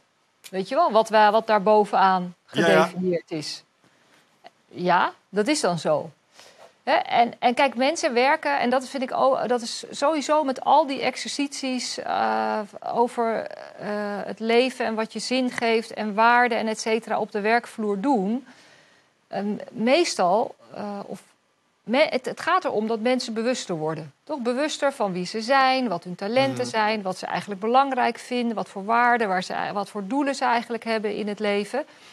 En dan vervolgens dat weer eh, kijken van, oh, maar kan ik dat dan eigenlijk in dit werk eh, realiseren? Of kan ik dit nou eigenlijk gebruiken in dit, eh, Mhm. in dit werk? En als je dus zulke soort wat diepere exercities mensen zijn, zijn er altijd ook mensen inderdaad die zeggen, nou ja, ik kom nu tot de conclusie dat, dat ik gewoon niet bij deze organisatie pas. Want die Ja. purpose, ja, ik, er is gewoon geen match met mijn purpose. Hè? Dat is het gewoon niet. Die gaan dan weg. Maar dat is ook prima. Want je wil vooral mensen die zich kunnen identificeren met jouw organisatie en waar jij voor gaat. En in de praktijk is het dus meestal zo: eh 10% of zo haakt af en denkt van hé, hey, ik zit hier gewoon verkeerd. 90% gaat gemotiveerder en scherper verder, omdat ze gemerkt Ja. hebben: hé, hey, ik kan je eigenlijk heel goed mijn talent gebruiken. En dit is mijn talent, weet je wel. En, dat, en anderen hebben me dat, die zien me dat doen, die hebben me dat verteld. Dus ik zou altijd, je moet altijd de moed hebben om toch bij het individu eh, te beginnen. Ook in een organisatie. En juist niet die, die mal van, maar we hebben deze purpose en deze waarden, et cetera, over iedereen heen te leggen. En dan bang te zijn dat mensen het er niet mee eens zijn. Die mensen zijn daar voor een reden. En vaak Ja. al jaren. Nou, en, en waarschijnlijk komen zij erachter waarom ze er eigenlijk zijn. En in heel veel gevallen eh, klopt dat ook. En in een aantal gevallen klopt het niet. En dan is het ook heel goed om afscheid van elkaar te nemen. Snap ik. Nou, da- da- daaruit blijkt dus wederom het belang van, van dat individuele purpose. Dat brengt me eigenlijk bij de tweede vraag ehm, die ik heb. Want ik heb het ook wel eens Ja. over purpose met mensen. En dan kom ik ehm, twee soorten problemen tegen. De eerste is... Sommige mensen willen wel een purpose, maar weten niet zo goed hoe ze dat scherp kunnen krijgen voor zichzelf. Ja. Hoe begin je daar dan nou in godsnaam aan? Nou, ik heb er Ja. ideeën over, maar misschien jij ook wel. Dus daar ben ik wel even benieuwd naar. En wat moet je... ehm, nee, niet... is het erg dat sommige mensen geen purpose lijken te willen hebben? Wat ik wel eens tegenkom is van ja, hoge doel. Pff, gast, ik probeer gewoon Ja. mijn werk te doen, weet je wel, hou op. Ja. En is dat, eh, volgens mij is dat ook gewoon een geldige houding eh, ten opzichte van wel of geen purpose hebben. Ehm, ik heb hoe dat wel een. Ja, nee, ik bedoel, ik heb zo'n man. Dus. eh, en, Oh, ja. en dan, eh, dus dan kan je eeuwig bezig blijven zijn purpose, eh, hem helpen zijn purpose te ontdekken. Maar eh, als hij het niet belangrijk vindt en, eh, en eh, eh, een goed leven leidt en ja, dat ook niet verder of zo tot conflicten tussen ons leidt of zo. Dan denk ik van ja, er zijn, er zijn inderdaad gewoon verschillende mensen. Er zijn mensen die het heel erg nodig hebben en mensen die, ehm, ehm, die het niet zo nodig hebben. Ik vind het zelf ook nog wel een vraag hoor. Wanneer heb je het dus nodig of niet? Ik denk dan ook van ben ik dan wat gecompliceerder dat ik het allemaal wil weten en wil uitzoeken. Mhm. En, eh, en zijn sommige andere mensen wat, wat ongecompliceerder. Hij is ook wat intuïtiever dan ik ben. Ik ben wat, wat rationeler, wil wat dingen. ehm, ja, voor sommige Ja. mensen gaat het, gaat het misschien vanzelf. Eh, Ik heb er wel eens over nagedacht. Ik, Ja. eh, kwam ik op het antwoord Belbin. die hoede. Nou ja, Belbin? Eh, de persoonlijkheidsprofielen van Belbin, die, die, Ja. deel je, die delen jou ook weer. Ja. Ja. moet je oppassen dat het niet je identiteit wordt, maar Ja. die zeggen, joh, in een teamdynamiek heb je waarschuwers, je hebt verzorgers, je hebt de, hè, de, de, de, de voorgangers, eh, je hebt mensen die eh, graag adviseren. En, en ik, ik vergelijk het daarmee. Sommige mensen zijn gebouwd op een bepaalde manier, zodat ze dat heel graag doen. En weer andere mensen zijn weer op een andere manier gebouwd, zodat ze dat heel graag doen. En gezamenlijk eh, vullen we alle functies in die benodigd zijn Ja. binnen een team. En ik denk dat het hem daar ergens in zit. Sommige mensen zijn gewoon niet zo gebouwd. Ja, ik kan daar ook naar kijken en denken, maar waarom niet dan? Ehm, Ja. Maar ja, zij snappen weer niet waarom, waarom maak je daar zo druk om dan, weet je wel? Ja, Dus dat is, Zo Van leef, wat moet je met die purpose of zo? Ik oh ja, maar dat geeft me juist heel veel richting. ja, ja, ik snap het. Hey, en, Ja, en dit stel, er maar, stel je komt bellen, hè? Dus je wil er wel iets mee. Maar je, je denkt, ja, hoe puzzel je dit nou uit dan? Leuk, ikigai, eh, purpose, geinig. Maar hoe? Wat, wat adviseer je mensen? Nou, ik, ik heb op een gegeven moment ontdekking gedaan. Best wel een simpele. Dat een, dat een purpose je best wel het makkelijkste vindt met een werkwoord. Ah. Dus, eh, dus dat je bijvoorbeeld heel... Hè, en, en het ligt ook eigenlijk dicht bij talent, hoor. Dus eh, je merkt toch van... Het purpose... ehm, ik, ik vind de makkelijkste manier om daarover na te denken... is toch wat zie je jezelf steeds doen? Of het nou in het werk is of dat het thuis is. Dus ik ben altijd aan het zorgen. Of ik ben altijd aan het vragen, bijvoorbeeld, weet je wel, mensen tot inzicht te brengen. Of ik ben altijd aan het regelen. Ik ben altijd aan het opruimen. Ik ben al, eh, waar kom, of ik nou thuis ben of hier, ik ga structureren. En, en er zijn best wel wat, wat, ja, heel veel mensen zijn altijd aan het orden. Er zijn best wel een paar hele herkenbare. Bijvoorbeeld, en het zijn meestal werkwoorden. Dus, dus zorg is een hele herkenbare. Dat, dat eh, structureren is een hele herkenbare. ehm, eh, Dat ken ik helemaal niet. Nee. dat, ehm, maar ook onderwijzen bijvoorbeeld is een hele herkenbare. Creëren, et cetera. En ik denk dat dan een stapje verder is meer van waartoe. Dat je misschien dan met je, als je daar een purpose van, nou, ik, hey, eh, dat je dan nog iets meer bedenkt van waartoe wil ik dan zorgen? Als dat zorgen zo in me zit, Ja, wa- wat is dan mijn, mijn belangrijkste doel? wat is jouw werkwoord? Oh ja, mijn, eh, ja, mijn wijs is wel dat, dat, nou, ja, moeilijk hè? Ik moet dat Ja, Ik denk ja, ja, hey, hey, je hebt nu verteld dat het moet, dus moet je het ook even laten zien. Ja, ik zeg altijd, ik heb een beetje uber-purpose. Want ik ben altijd bezig dus mensen te helpen om die purpose eh, te vinden. Dus ehm, zingeving vinden, zin... eh, Dit klinkt heel denigrerend, maar het woord wat dan bij me opkomt is Ja. herden. herden? Herden, ja, wat een, eh, volgens mij is dat het werkwoord voor Wat iets wat een herder doet. Ja, namelijk mensen de juiste kant op leiden. Ja. Vind Ja. ik ook leuk, ja. En Is niet iets loopt, slecht, hè? Gaat bescherming Nee, nee, vanuit, want hij gaat loopt zorg ook- vanuit. wat, wat ik een leuk beeld daarvan is, is dat hij ook vaak achter de kudde loopt, hè? En niet per se eh Ja, hij voorop. helpt ze. Ze beschermer. Ja. Ja. Ja. Nou, Geen idee. Het eerste dat bij me opkwam. Leuk. ja. Mooi, maar die, nee, ik snap hem helemaal. Sterker nog, ehm, bij deze vraag ik officieel eh, toestemming of ik hem even mag jatten van je. Want ik denk dat ik deze wil integreren in, eh, in mijn eigen masterclass. Ik vind deze heel sterk namelijk. Heel goed, Top. prima. Dankjewel. Ja. Bij Meer deze. mensen weer Ik- kunnen helpen. Hè? Ja, nee, maar ik meen het oprecht. Ik denk dat dit, Ja. een- dit, dit, is, eh, dit is weer zo een van, ah ja, dat is hem. Dat is zo'n zo'n eye-opener. Dus ik vind deze Ja. heel sterk. Ehm, laatste dingetje wat ik nog open had staan als het ging om, om in ieder geval eh, eh, engagement. En ik, laten we daar ook nog even heel kort bij stilstaan. Wat versta jij daar eigenlijk precies onder? Want ik denk dat ik weet wat je ermee bedoelt. Maar laten we het even op scherp zetten. En je bedoelt dan engagement in organisaties. Ja, dus we hebben het net over vier dingen gehad. Ja, Die leiden ergens toe. En waar Ja. leiden ze toe? waar leiden ze toe? Ja, dat, dat is wel weer eh, dat voldoening in het leven hebben. Of eh, gelukkig zijn. Maar eh, gelukkig zijn wordt natuurlijk vaak wat, wat geassocieerd met soort van kortstondigere momenten. Maar hoe heb je meer een, nou ja, een voortdurende, wel eh, goed gevoel over je, over je leven? Tevredenheid. Tevredenheid, ja, voldoening. ehm, ja, Ja, oké. Maar dat was niet Ja. helemaal waar ik op doelde. Waar, waar ik Nee. op doelde was dat stukje, dat, dat engage, je noemde dat engagement. En ik vroeg me gewoon even, wat, wat Oh, ja. jij daar precies onder?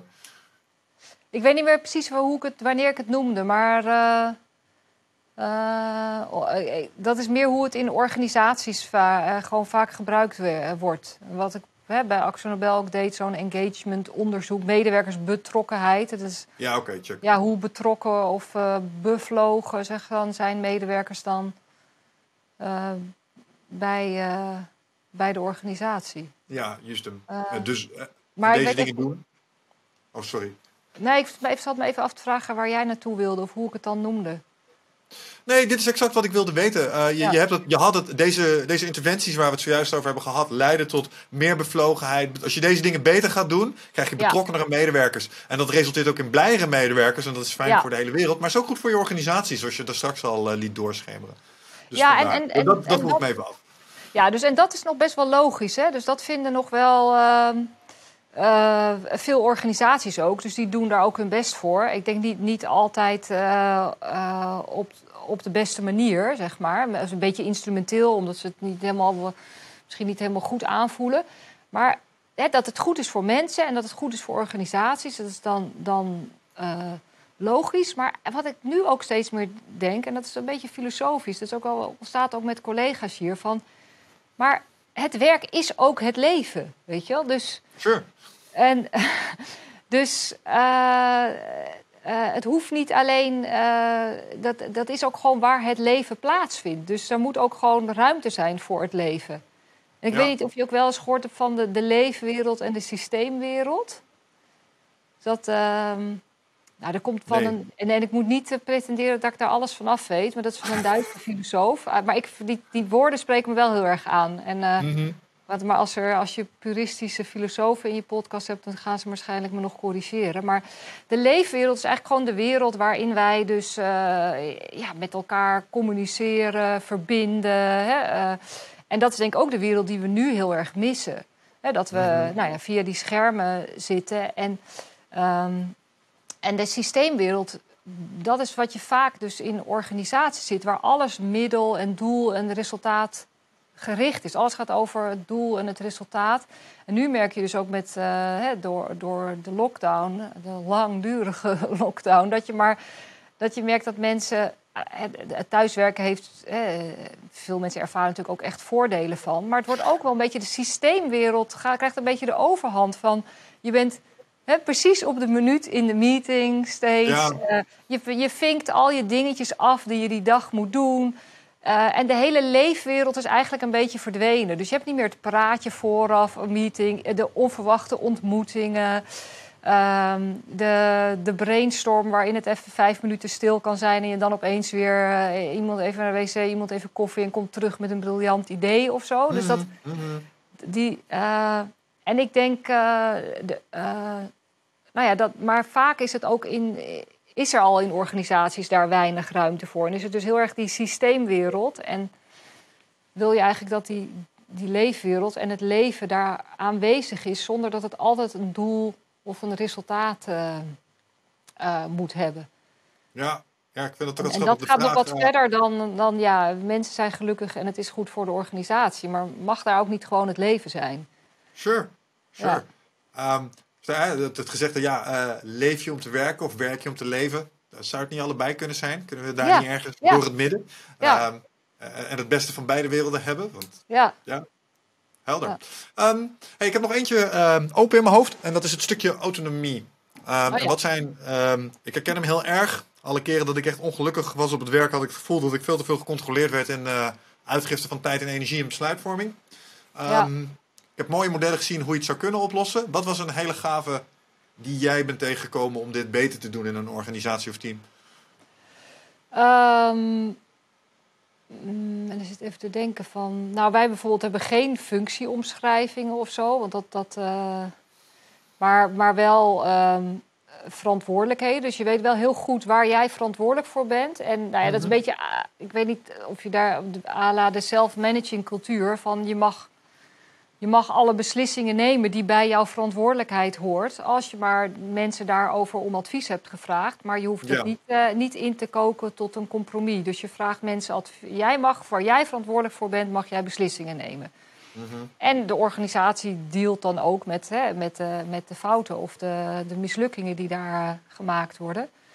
Ehm, dat is trouwens ook nog wel een leuke om een middagje met elkaar te gaan zitten of een uurtje en gewoon van eh, wat ging er niet goed, wat is er mislukt, wat eh, zou je volgende keer eh, een, een, een, het is natuurlijk van start, in start-up land ook wel bekend, de faalmiddagen of de met elkaar over mislukkingen. Ja, het is natuurlijk super, super leerzaam en ook heel, heel goed. Maar dat ik misschien een beetje af om, om te zien dat niemand perfect is. Nee. Dus dat, dat Nee. iedereen fouten, eh, fouten maakt. En, eh, maar dat is wat minder met autonomie te maken, denk ik. Autonomie is denk ik dus heel erg dat je weet waar jij verantwoordelijkheid voor bent en daar vrijheid in hebt. Maar ja, dan moet die cultuur van die organisatie, dat is wel echt iets wat je met een cultuur en vanuit leiders moet, eh, moet stimuleren. En een Ja. andere ding die heel belangrijk voor is, is transparantie. Dus je kan natuurlijk alleen maar zelf goede beslissingen nemen als je alle relevante informatie hebt. Ja. Ja, ik ben wel heel erg voorstander van eh, de, de notulen van de boardmeeting delen en et cetera. Gewoon mensen gewoon weten wat er gaande is. Ja, openheid, eerlijkheid. Ja, openheid en op die manier gewoon uh, ben je allemaal uh, meer vrijheid ervaren en betere beslissingen kunnen nemen. Ja. En niet het gevoel hebben, ja, dat er Ja. dingen. Heb ik een eh, praktijkvraag voor je. Ehm, Omdat ik vind deze dingen altijd echt helemaal te gek klinken. Ik geloof er ook in. Ja. Eh, maar ik heb zelf ook op leidinggevende posities gestaan. En als je het nou hebt over falen sessies en feedback en dat soort dingen. Ja. Nou, daar is mij wel te verstaan gegeven door ondergeschikten dat het niet altijd even leuk was als leidinggevende. Nee. Ehm, en dat herken ik ook helemaal. Hè. Dat is volledig gelijk in. Maar dat kwam ook een beetje omdat ik een spanningsveld voelde. Want ik wil heel graag mensen die voor mij werkten eh, vrijheid geven. Maar ik kwam vooral in een corporate setting waarbij mensen op de loonlijst stonden. Zo. Ik heb dat nu veel minder, want ik werk met veel ZZP'ers. Ja. En die, de intrinsieke motivatie is aanzienlijk hoger bij die lui. Ehm, Ja. Maar ik heb ook wel eens de zogenaamde intent gepensioneerden in mijn team gehad. En dan, en dan merkte ik toch dat ja, ik kan helemaal op die gasten intrinsieke motivatie inzetten en zo. Maar die zitten dan ook Ja. een beetje in de categorie zoals mensen. Nou, ik weet niet of dat helemaal waar is voor je echtgenoot. Maar ja, purpose, hoezo? Weet je, hou op. Ik wil gewoon hier mijn code kloppen. En eh, voor de rest geloof ik het wel. Ehm, en die proberen dus met een minimale effort hun salaris binnen te halen. En ik merk altijd dat ik in die situaties gaan deze dingen bij mij direct overboord. Ehm, en, dan- en dan kom ik weer in een beetje ja, aansturende rol. Omdat, ja, wat is het alternatief precies? Ja. Ehm, eh, en misschien heb jij daar ideeën over hoe leidinggevenden die, die dat spanningsveld ook zien. Van ja, is leuk, maar mijn baas kijkt naar mijn planningen. en Kan ik wel vrij autonomie geven. Maar als we die deadline niet halen, haal ik mijn, eh, word ik er ook uitgezet. Dus eh, eh, jammer jongens. Weet je wel, hoe deal je daarmee in het echt? Ja, kijk, het is wel lastig natuurlijk in, eh, in grotere organisaties als niet eh, de, het eh, leiderschap van die organisatie dat meer uitdraagt. Dus als Mhm. dat niet op vertrouwen en vooral op controle gebaseerd is, dan, dan is het heel lastig om dat zelf anders te Ja. doen. Ja, dat blijft gewoon wel lastig. Aan de andere kant, je kan wel allerlei experimenten doen. Want het, ik heb dat ook wel in zo'n grote organisatie gezien. Er zijn toch allerlei cultuureilandjes. En als jij, het gaat ook wel misschien om vertrouwen in jezelf. En, ehm, want jij noemt net ook weer van, ja, mijn baas dit of dat. Eh, als je zelf daar wat, ehm, eh, nou ja, als je zelf echt bij jezelf durft te blijven. En dat vraagt weer moed. Het is allemaal steeds je eigen angsten ook. Je angsten in de ogen kijken. En, en dan eh, dat aandurven gaan. Maar ja, dan, dan moet je niet bang zijn om je baan te verliezen of om et cetera. En heel, en heel vaak ook. Ik vond het echt heel leuk. eh, wij, wij begeleiden wat eh, trainees bij een, bij een bank. Nou, hè. Ehm, en die, die onderwijzen we dan ook over cultuur. En eh, wat, dat, wat dat is. Want het is best wel leuk al om alleen al dat te begrijpen. En dan vragen we ze om een kleine interventie te doen. Om eigenlijk gewoon eens een keer iets. En dat kan je doen door iets anders te doen dan het gebruikelijk is. Of, of iets te benoemen. Of je maakt elke dag de keuze van nee, ik doe het zoals het hier gaat. Ik zeg het, hè, dus ik pas me aan. En dan vertelt echt best wel zo'n jong meisje van... nou, ik heb dus in die teammeeting... heb ik op een gegeven moment gezegd... een aantal mensen, wat jij een beetje noemt... die hiervoor, nou ja, maakt niet uit welke leeftijd... maar besloten dat ze hier voor hun pensioen zitten... die eh, eigenlijk elke meeting negatief waren... over bepaalde nieuwe initiatieven. En zij had dus gewoon ge- dat benoemd van... ik vind het best vervelend dat, dat we nu hier... Hè, dat, je hier negatief, of dat we hier negatief over zijn. En ik vind de positieve kant hiervan zijn dit en dit en dit. En ehm, best wel bij- bijval uit de rest van de groep. En ze vertelde gewoon dat het dus dat het echt veranderd is daarna. Dus Ja. dat, dat, ze, dat het opnieuw benoemd kan worden, dat meer mensen in de groep het gaan benoemen. Dat mensen uiteindelijk. Want dan kom je weer bij die, die, die basis, eh, die dingen eigenlijk die ik net noemde, hè, die vier dingen, zijn ook de psychologische basisbehoeften van mensen. Iedereen wil verbinding met anderen. Iedereen wil het gevoel hebben dat het zin heeft. Iedereen wil, wil gewoon door en ontwikkelen en leren. Iedereen wil een zekere vrijheid hebben. Dus het is, ik, ik vond het zo'n mooi verhaal. En haar leidinggevende zei, ja, die was er ook heel blij mee dat zij dit gedaan had. Dus het kan wel, weet je, het is lef hebben, moed hebben en ook op vertrouwen dat die, dat die psychologische basisbehoeften voor iedereen hetzelfde zijn en dat dat resoneert met mensen. En, En dan ja, vaak wel denken, ja, ik blijf nu in ieder geval bij mezelf. Ik haal hier voldoening uit. En heel vaak is er ook nog een ripple effect en gebeurt er iets. Ja, ja. Komt dan gewoon wil ik niet wegnemen dat er, ja, dat er ook moedeloze of misschien uitzichtloze situaties zijn. Maar er- dit is ook weer het verhaal van wat we aan het begin zeiden, toch? Eh, eh, is verandering eh, mogelijk of zo? Of eh, is verandering door een klein groepje mensen mogelijk? Ja, het is het enige wat ooit gebeurd is. Ja. Het kan altijd. ja, alle grote bewegingen op aarde zijn ooit gestart met een gast die dacht van... Ja. En een tweede Ja. die zei, goed idee. Ja, en dan de volgende. En zo heb ik eigenlijk in ons werk best wel veel verhalen, denk ik inmiddels al, van, van jonge mensen. Vaak dan jonge mensen, want die, die, die dingen anders gaan doen in een organisatie of dingen durven te benoemen. En, en daarmee echt veranderingen teweeg brengen. Ja, Ja, ja. Duidelijk. Gaaf. Ja, het, het blijven interessante dingen. En wat ik vooral mooi vind eh, in jouw eh, filosofie is dat we meer moeten gaan inzien dat al die dingen, ehm, die persoonlijke ontwikkeling, die, die eigen volmaaktheid vinden, dat dat Ja. iets is wat je moet gaan integreren met je werk. Ehm, dat je die dingen niet, eh, wat ik mooi vond van jou, wat je zei, is, het moet allemaal aan de kantlijn gebeuren. ja, ja. Op de momenten dat je net aan het bijkomen bent van je lange dag eh, en dat je denkt, "Pff, moet ik nou ook nog eh, Think and Grow Rich gaan lezen van Napoleon Hill? Ja, pff, ander keertje, Ja. weet je wel. Ja, ja. zo'n persoonlijke ontwikkeling, time managen in de zijlijn. Het, het, het, het zou er continu mogen zijn, ja. Juist, juist op werk. Ik denk, je werk Ja. is ook een goede plek eh, sowieso, omdat eh, collega's je vaak ook beter kunnen vertellen hoe jij in elkaar zit dan, dan eh, vrienden of partners. Die kunnen nog een iets rooskleurigere blik hebben. Maar ik denk dat je van collega's ook de eerlijkste feedback kan krijgen als ze het durven. Maar als je dat met elkaar kan creëren, ja, Ja, dan is het ook heel Ja. waardevol. Ja. ja ik heb een paar. ehm, ik heb ooit een boekje gelezen van eh, Don Miguel eh, Ruiz, De Vier Inzichten. En een van de dingen die hij als eh, belangrijkste acht is onberispelijk zijn op je woord, zuiver spreken. Dus alles durven benoemen. Ja. Hoe vervelend de boodschap potentieel ook is. Als, als Ja. je weet dat die waarheid gesproken moet worden om de situatie. eh, nou, om dan weer helemaal terug te gaan naar het begin. Om die potentie, zeg maar, naar werkelijkheid te krijgen. Zul je Ja. soms dingen. eh, woord is heel belangrijk in die filosofie. Dus dat wat je zegt moet kloppen aan alle kanten. Dus het moet staan voor wat je wilt. Het moet ook de waarheid zijn. Het moet alles bevatten. En als mensen dat maar ietsjes meer zouden gaan durven, inderdaad. Ja. ehm, kun je echt hele grote veranderingen teweeg brengen in hele korte tijd. ja, Dat is interessant. Ik heb nog één vraag toch? voor je. ja, Ehm, als het gaat om al deze dingen. En dat is. ehm, deze dingen zijn moeilijk. Om hiermee bezig te zijn. Soms best zwaar. En ik merk dat als ik er ja, persoonlijk mee bezig ben. En ik zie anderen ermee bezig zijn. Dat we iets moeten aanspreken. En dat, dat ken ik als discipline. Ehm, hoe is jouw relatie met discipline?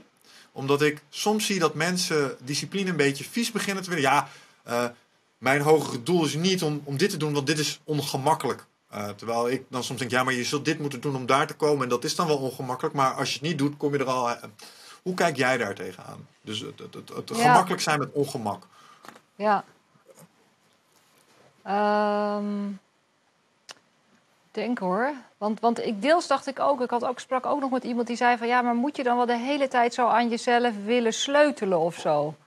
Weet je wel, dat gaat maar door. En toen dacht ik van, oh ja, maar zo, dat is het voor mij niet of zo. Omdat ik eigenlijk denk van nee, je moet steeds die bronnen van zingeving voor jezelf vinden. En die talenten gebruiken. En als je dat, dat voortdurend doet, dan is het dus ook helemaal geen lastige taak. Het is helemaal geen opgave eigenlijk. Het is meer die eerlijkheid naar jezelf steeds. En steeds weer wel durven zeggen van... oh ja, maar blijf ik nu hangen in dingen die, die me uiteindelijk niet een heel veel beter leven brengen. En ehm, eh, ja, ik heb, eh, ik heb denk ik zelf best veel discipline, ja.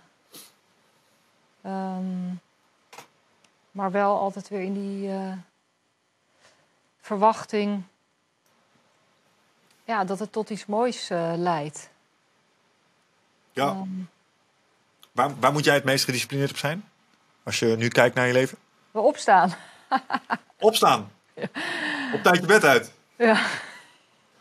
ik ben niet super ochtendmens. Maar ik heb er wel wat op gevonden nu. De laatste tijd ga ik... eh, maar dat is ook, ook wel een beetje hype. Ga dan, ik woon eh, vlak bij water. Dus dan ga ik met een buurvrouw eh, half acht... even twee minuten het water in. Dus voor mij is het heel goed. Ja. Mooi. En, want dan, dan weet ik gewoon dat ik niet kan blijven liggen. Want ik heb met haar die afspraak. En je bent daarna super wakker.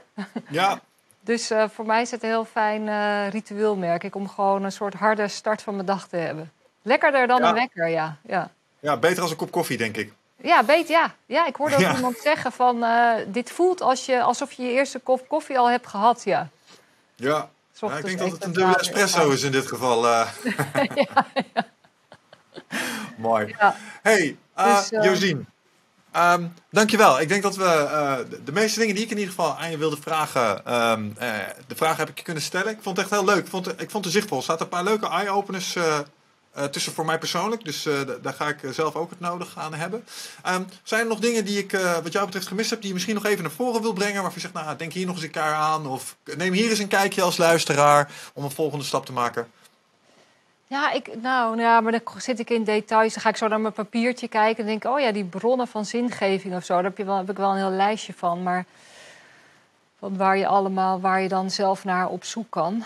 Maar ehm, ik, eh, dus ik kan ze nog even erbij pakken, maar ik weet niet of Sure. dat nog. eh, dat, Ja. dat was iets, omdat ik namelijk wel dat met persoonlijk ontwikkelen zeiden van het is niet echt een, het hoeft niet echt een opgave te zijn. Oh ja, dus bijvoorbeeld een, een bron van ingeving is. is oh ja, dat, dit zeggen we ook wel vaak bij, eh, bij de School of Life. Dat komt ook wel van een filosoof. Dat heel veel mensen wel voldoening halen uit of het, het iets voor anderen doen. Maar dus of het plezier van anderen versterken of het leed van anderen verkleinen. Ja, Dus dat zie je natuurlijk ook in veel beroepen. Weet je wel, een dokter verkleint leed, een eh, acteur verhoogt plezier. Dus dat is iets, hoe, wat, wat, hoe kan jij het plezier van anderen verhogen of het leed, eh, leed verkleinen? De verbinding met anderen, eh, wat meestal helpt om je kwetsbaar op te stellen. Transcendentie, ik noemde dat ook wel genieten van de, van de natuur. Maar iets, zoek iets, is er iets groters, iets overweldigends? Eh, Ja, veel mensen zeggen ook, ja, zodra ik de duinen overloop, dan ben ik weer gelukkig, weet je, en de zee zie. Wat is dat voor jou? Wat, ik hoorde laatst een eh, hele mooie naam voor dat fenomeen. Dat, he- Ja. dat, heeft, dat gevoel heeft een naam, dat heet Jugend. Eh, Oh, dat is als jij, als jij in een veld staat en je ziet een zonnestraal op, op de mist op de juiste manier Ja. tussen de bomen, dat je even. Wauw! Ja. Dat is Jugend. Ja, zo heet Oh, dat. Ja.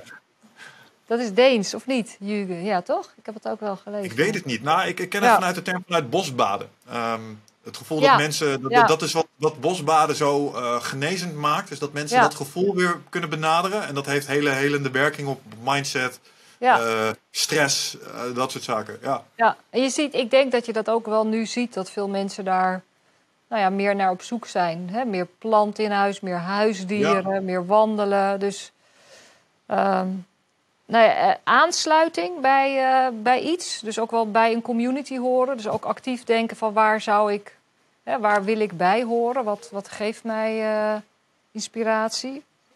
Ook wel eh, orde, dus opruimen, opruimen, schikken, herschikken.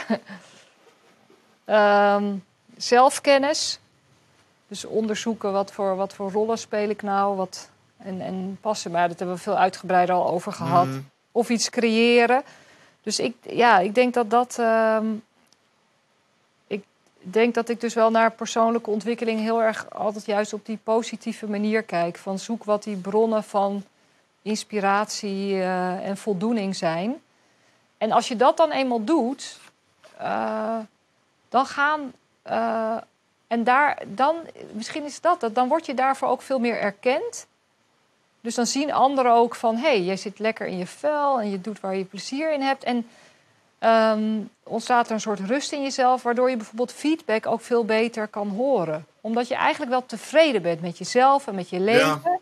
En dan komt er ook ruimte om te zeggen, oh, maar dan kan ik best wel eens niet meer door anderen heen praten als ze dat vervelend vinden of zo. Dat doe ik Ja. eigenlijk wel. Die is voor mij, geldt voor mij bijvoorbeeld. Oh, En, ik eh, hem ook wel hoor. No worries there. maar nee, Ja, ik, eh, ik, dus- ik denk dat je, daar, dat je daar echt gelijk in hebt. En vooral als mensen een gevoel van competentie krijgen en waarde voor anderen. Ja. Dat herken ik aan mezelf. Toen ik, toen ik die dingen niet volledig volmondig ja kon beantwoorden, deed de mening van anderen mij echt veel meer.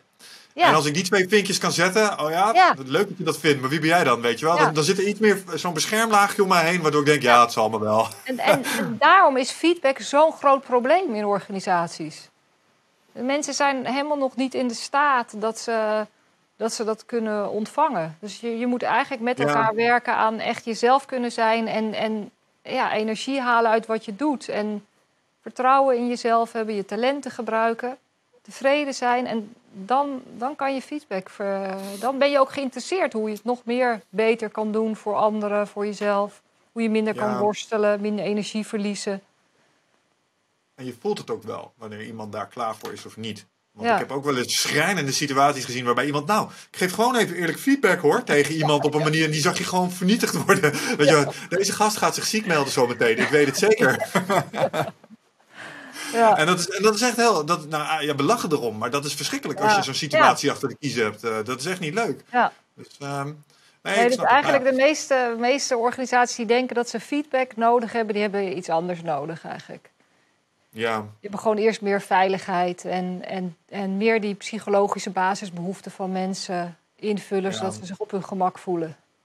Ja, en het ding is, Ja. je kan zo makkelijk, het is, het is de, mor de moral high ground. Nou, ik ben gewoon eerlijk hoor. Ja, je kan er eigenlijk niet echt iets van vinden. Nee. Snap je? Want het is een soort van nobel gedrag, maar het wordt even oneigenlijk ingezet. En dat kun je Ja. wel benoemen op zo'n moment. Ehm, Ja. Maar ja, ik, ik herken hem. Ehm, nou, er, er komt nog één laatste vraag bij mij op. En dat is misschien wel een mooie eh afronder. Want dat, dat komt eigenlijk een beetje door het lijstje wat je net noemde. We hebben het ook even gehad over de huidige situatie waar mensen zich nu in bevinden. Hè? Ze missen bepaalde dingen. Ehm, ik weet niet hoe het met jou zit, maar ik heb nog steeds een heel positief toekomstbeeld. Ik vind nog steeds dat wij mensen tot fantastische dingen in staat zijn. En dat wat we nu achter de kiezen hebben of voor de voeten hebben liggen, een hiccup is die we gaan overwinnen met elkaar. Maar dat neemt niet weg dat we nu in een bepaalde situatie zitten. En misschien kun jij mensen die nu thuis zitten en daar ook last van ondervinden, ehm, nog iets meegeven om dat ongemak ehm, wat te verminderen. Om die periode beter door te kunnen.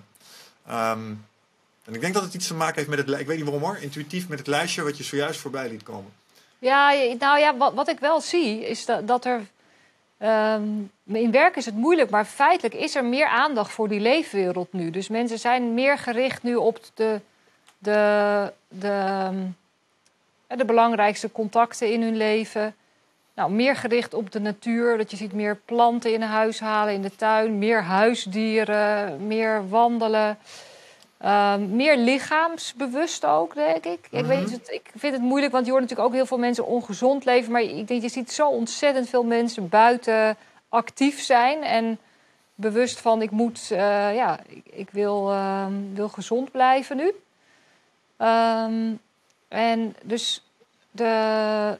En ik zie het ook terug, eh, de vragen die wij van bedrijven eh, krijgen. Waar het inderdaad dan voor de lockdown meer om, om effectiviteit ging. Weet je, hoe kunnen we effectiever zijn? Of eh, Ja, de iets instrumentelere vragen gaat het nu vaak meer om van hoe kunnen we empathischer zijn, weet je, met onze klanten. Hoe kunnen we meer weerbaarder zijn? Dus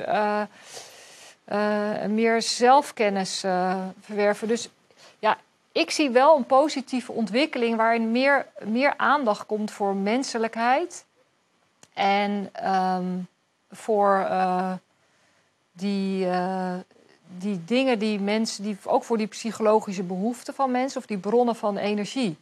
Mhm. Dus dat dat, ik zie dat dus ook wel nu meer in bedrijven bewegen. Ehm, dus ehm, ja, ik hoop eigenlijk dat veel mensen ja, de, gelegenheid krijgen om dat meer op te zoeken. En dat dat ook een effect heeft gewoon op onze grotere instituties en, en organisaties. ja. Maar of je daar nu als individu thuis iets aan hebt, ehm, dan. eh, Ah, wat ik wil Ja. zeggen is, ga Ja. bewegen, ga naar buiten. ja, Ehm. ja het is, eh, de dingen waar je voldoening uit haalt, zijn vaak heel klein en ook te realiseren in deze tijd. Ja, En, ja eh, en het, kom toch ook weer terug bij iets wat je in het begin zei, namelijk de, dat, dat stukje hè, realiseren wat nog niet is. Ik heb persoonlijk echt heel veel Ja. genoegdoening gehaald uit ehm, En dat komt omdat het tastbaar was, maar schilderen en tekenen. Dus Ja. echt iets concreets maken, omdat de Leuk. meeste mensen eh, de- die Ja. zijn wel iets aan het maken op het werk, maar dat is tegelijkertijd iets wat nooit echt helemaal af is. Dus je hebt het ook nooit in je handen tegenwoordig, weet je wel. En als jij een mooie tekening hebt gemaakt en daar ben je blij mee en daar heb je, heb je een paar avonden in Ja. zitten, dan heb je iets in je handen. En dan denk je, oh, Ja. dat voelt lekker. Eh, Ja. Als webdesigner had ik dat ook. Als je een website hebt gemaakt, dat voelt, daar kun je dan nog eens naar terugscrollen Ja. en denken, oh, heb ik leuk gemaakt. Ja. En dat gaf mij heel veel met alles, maar dat zit hem in het maken van iets. ja, klussen of zo, ja. Gewoon iets. Ja, ja ook eh, je tuin doen, Ja, whatever. ja, Een podcast maken. leuk. Ik doe dat ook, tekenen en schilderen inderdaad, ja. Oh, echt? Ja. Wat schilder je? Eh, Ja, nou, ik volg gewoon teken schilderles. Dus ik doe dan gewoon wat Ja. op het programma staat. Dus ik vind het wel heel lekker om Nee, maar- te krijgen. Want dan ja, nee, eh, ga ik daarmee aan de slag. Dus soms zijn het eh, iets, moeten we iets met licht en zon. En de andere keer met een zolder schilderen. En dan gewoon... dus ik denk ook wel weer door, door het... ik vind het fijn omdat ik wel veel te doen heb. Dat ik dan gewoon, als ik ga schilderen, gewoon een opdracht krijg. Dat ik het niet zelf hoef te verzinnen wat ik ga doen. Ja, want dan moet je Ja. ook weer een bepaalde creativiteit aanspreken. Ja, Maar op eh, onder andere Instagram zijn er echt eh, ook eh, in het Nederlands, de naam Ja. ontschiet me even, maar echt een, een aantal mensen die zijn daar heel goed in. En die neem je dan gewoon mee door en zeggen, oké, we gaan nu deze tekening maken. En dan volg je die en dat werkt gewoon. Dus ja, leuk. Ja. Alright, grappig. Ehm, goed. Josien, Oh. dankjewel voor je tijd. Uh, ja, ik dankjewel voor eh, eh, de inzichten ehm, die je hebt willen delen vandaag. En eh, eh, mochten luisteraars jou ja, eh, ik denk het, ja. willen terugvinden, Oh, ehm, ik had... waar kunnen ze jou dan vinden? Je stond is even stil voor mij. Dus ik heb je Ja. laten...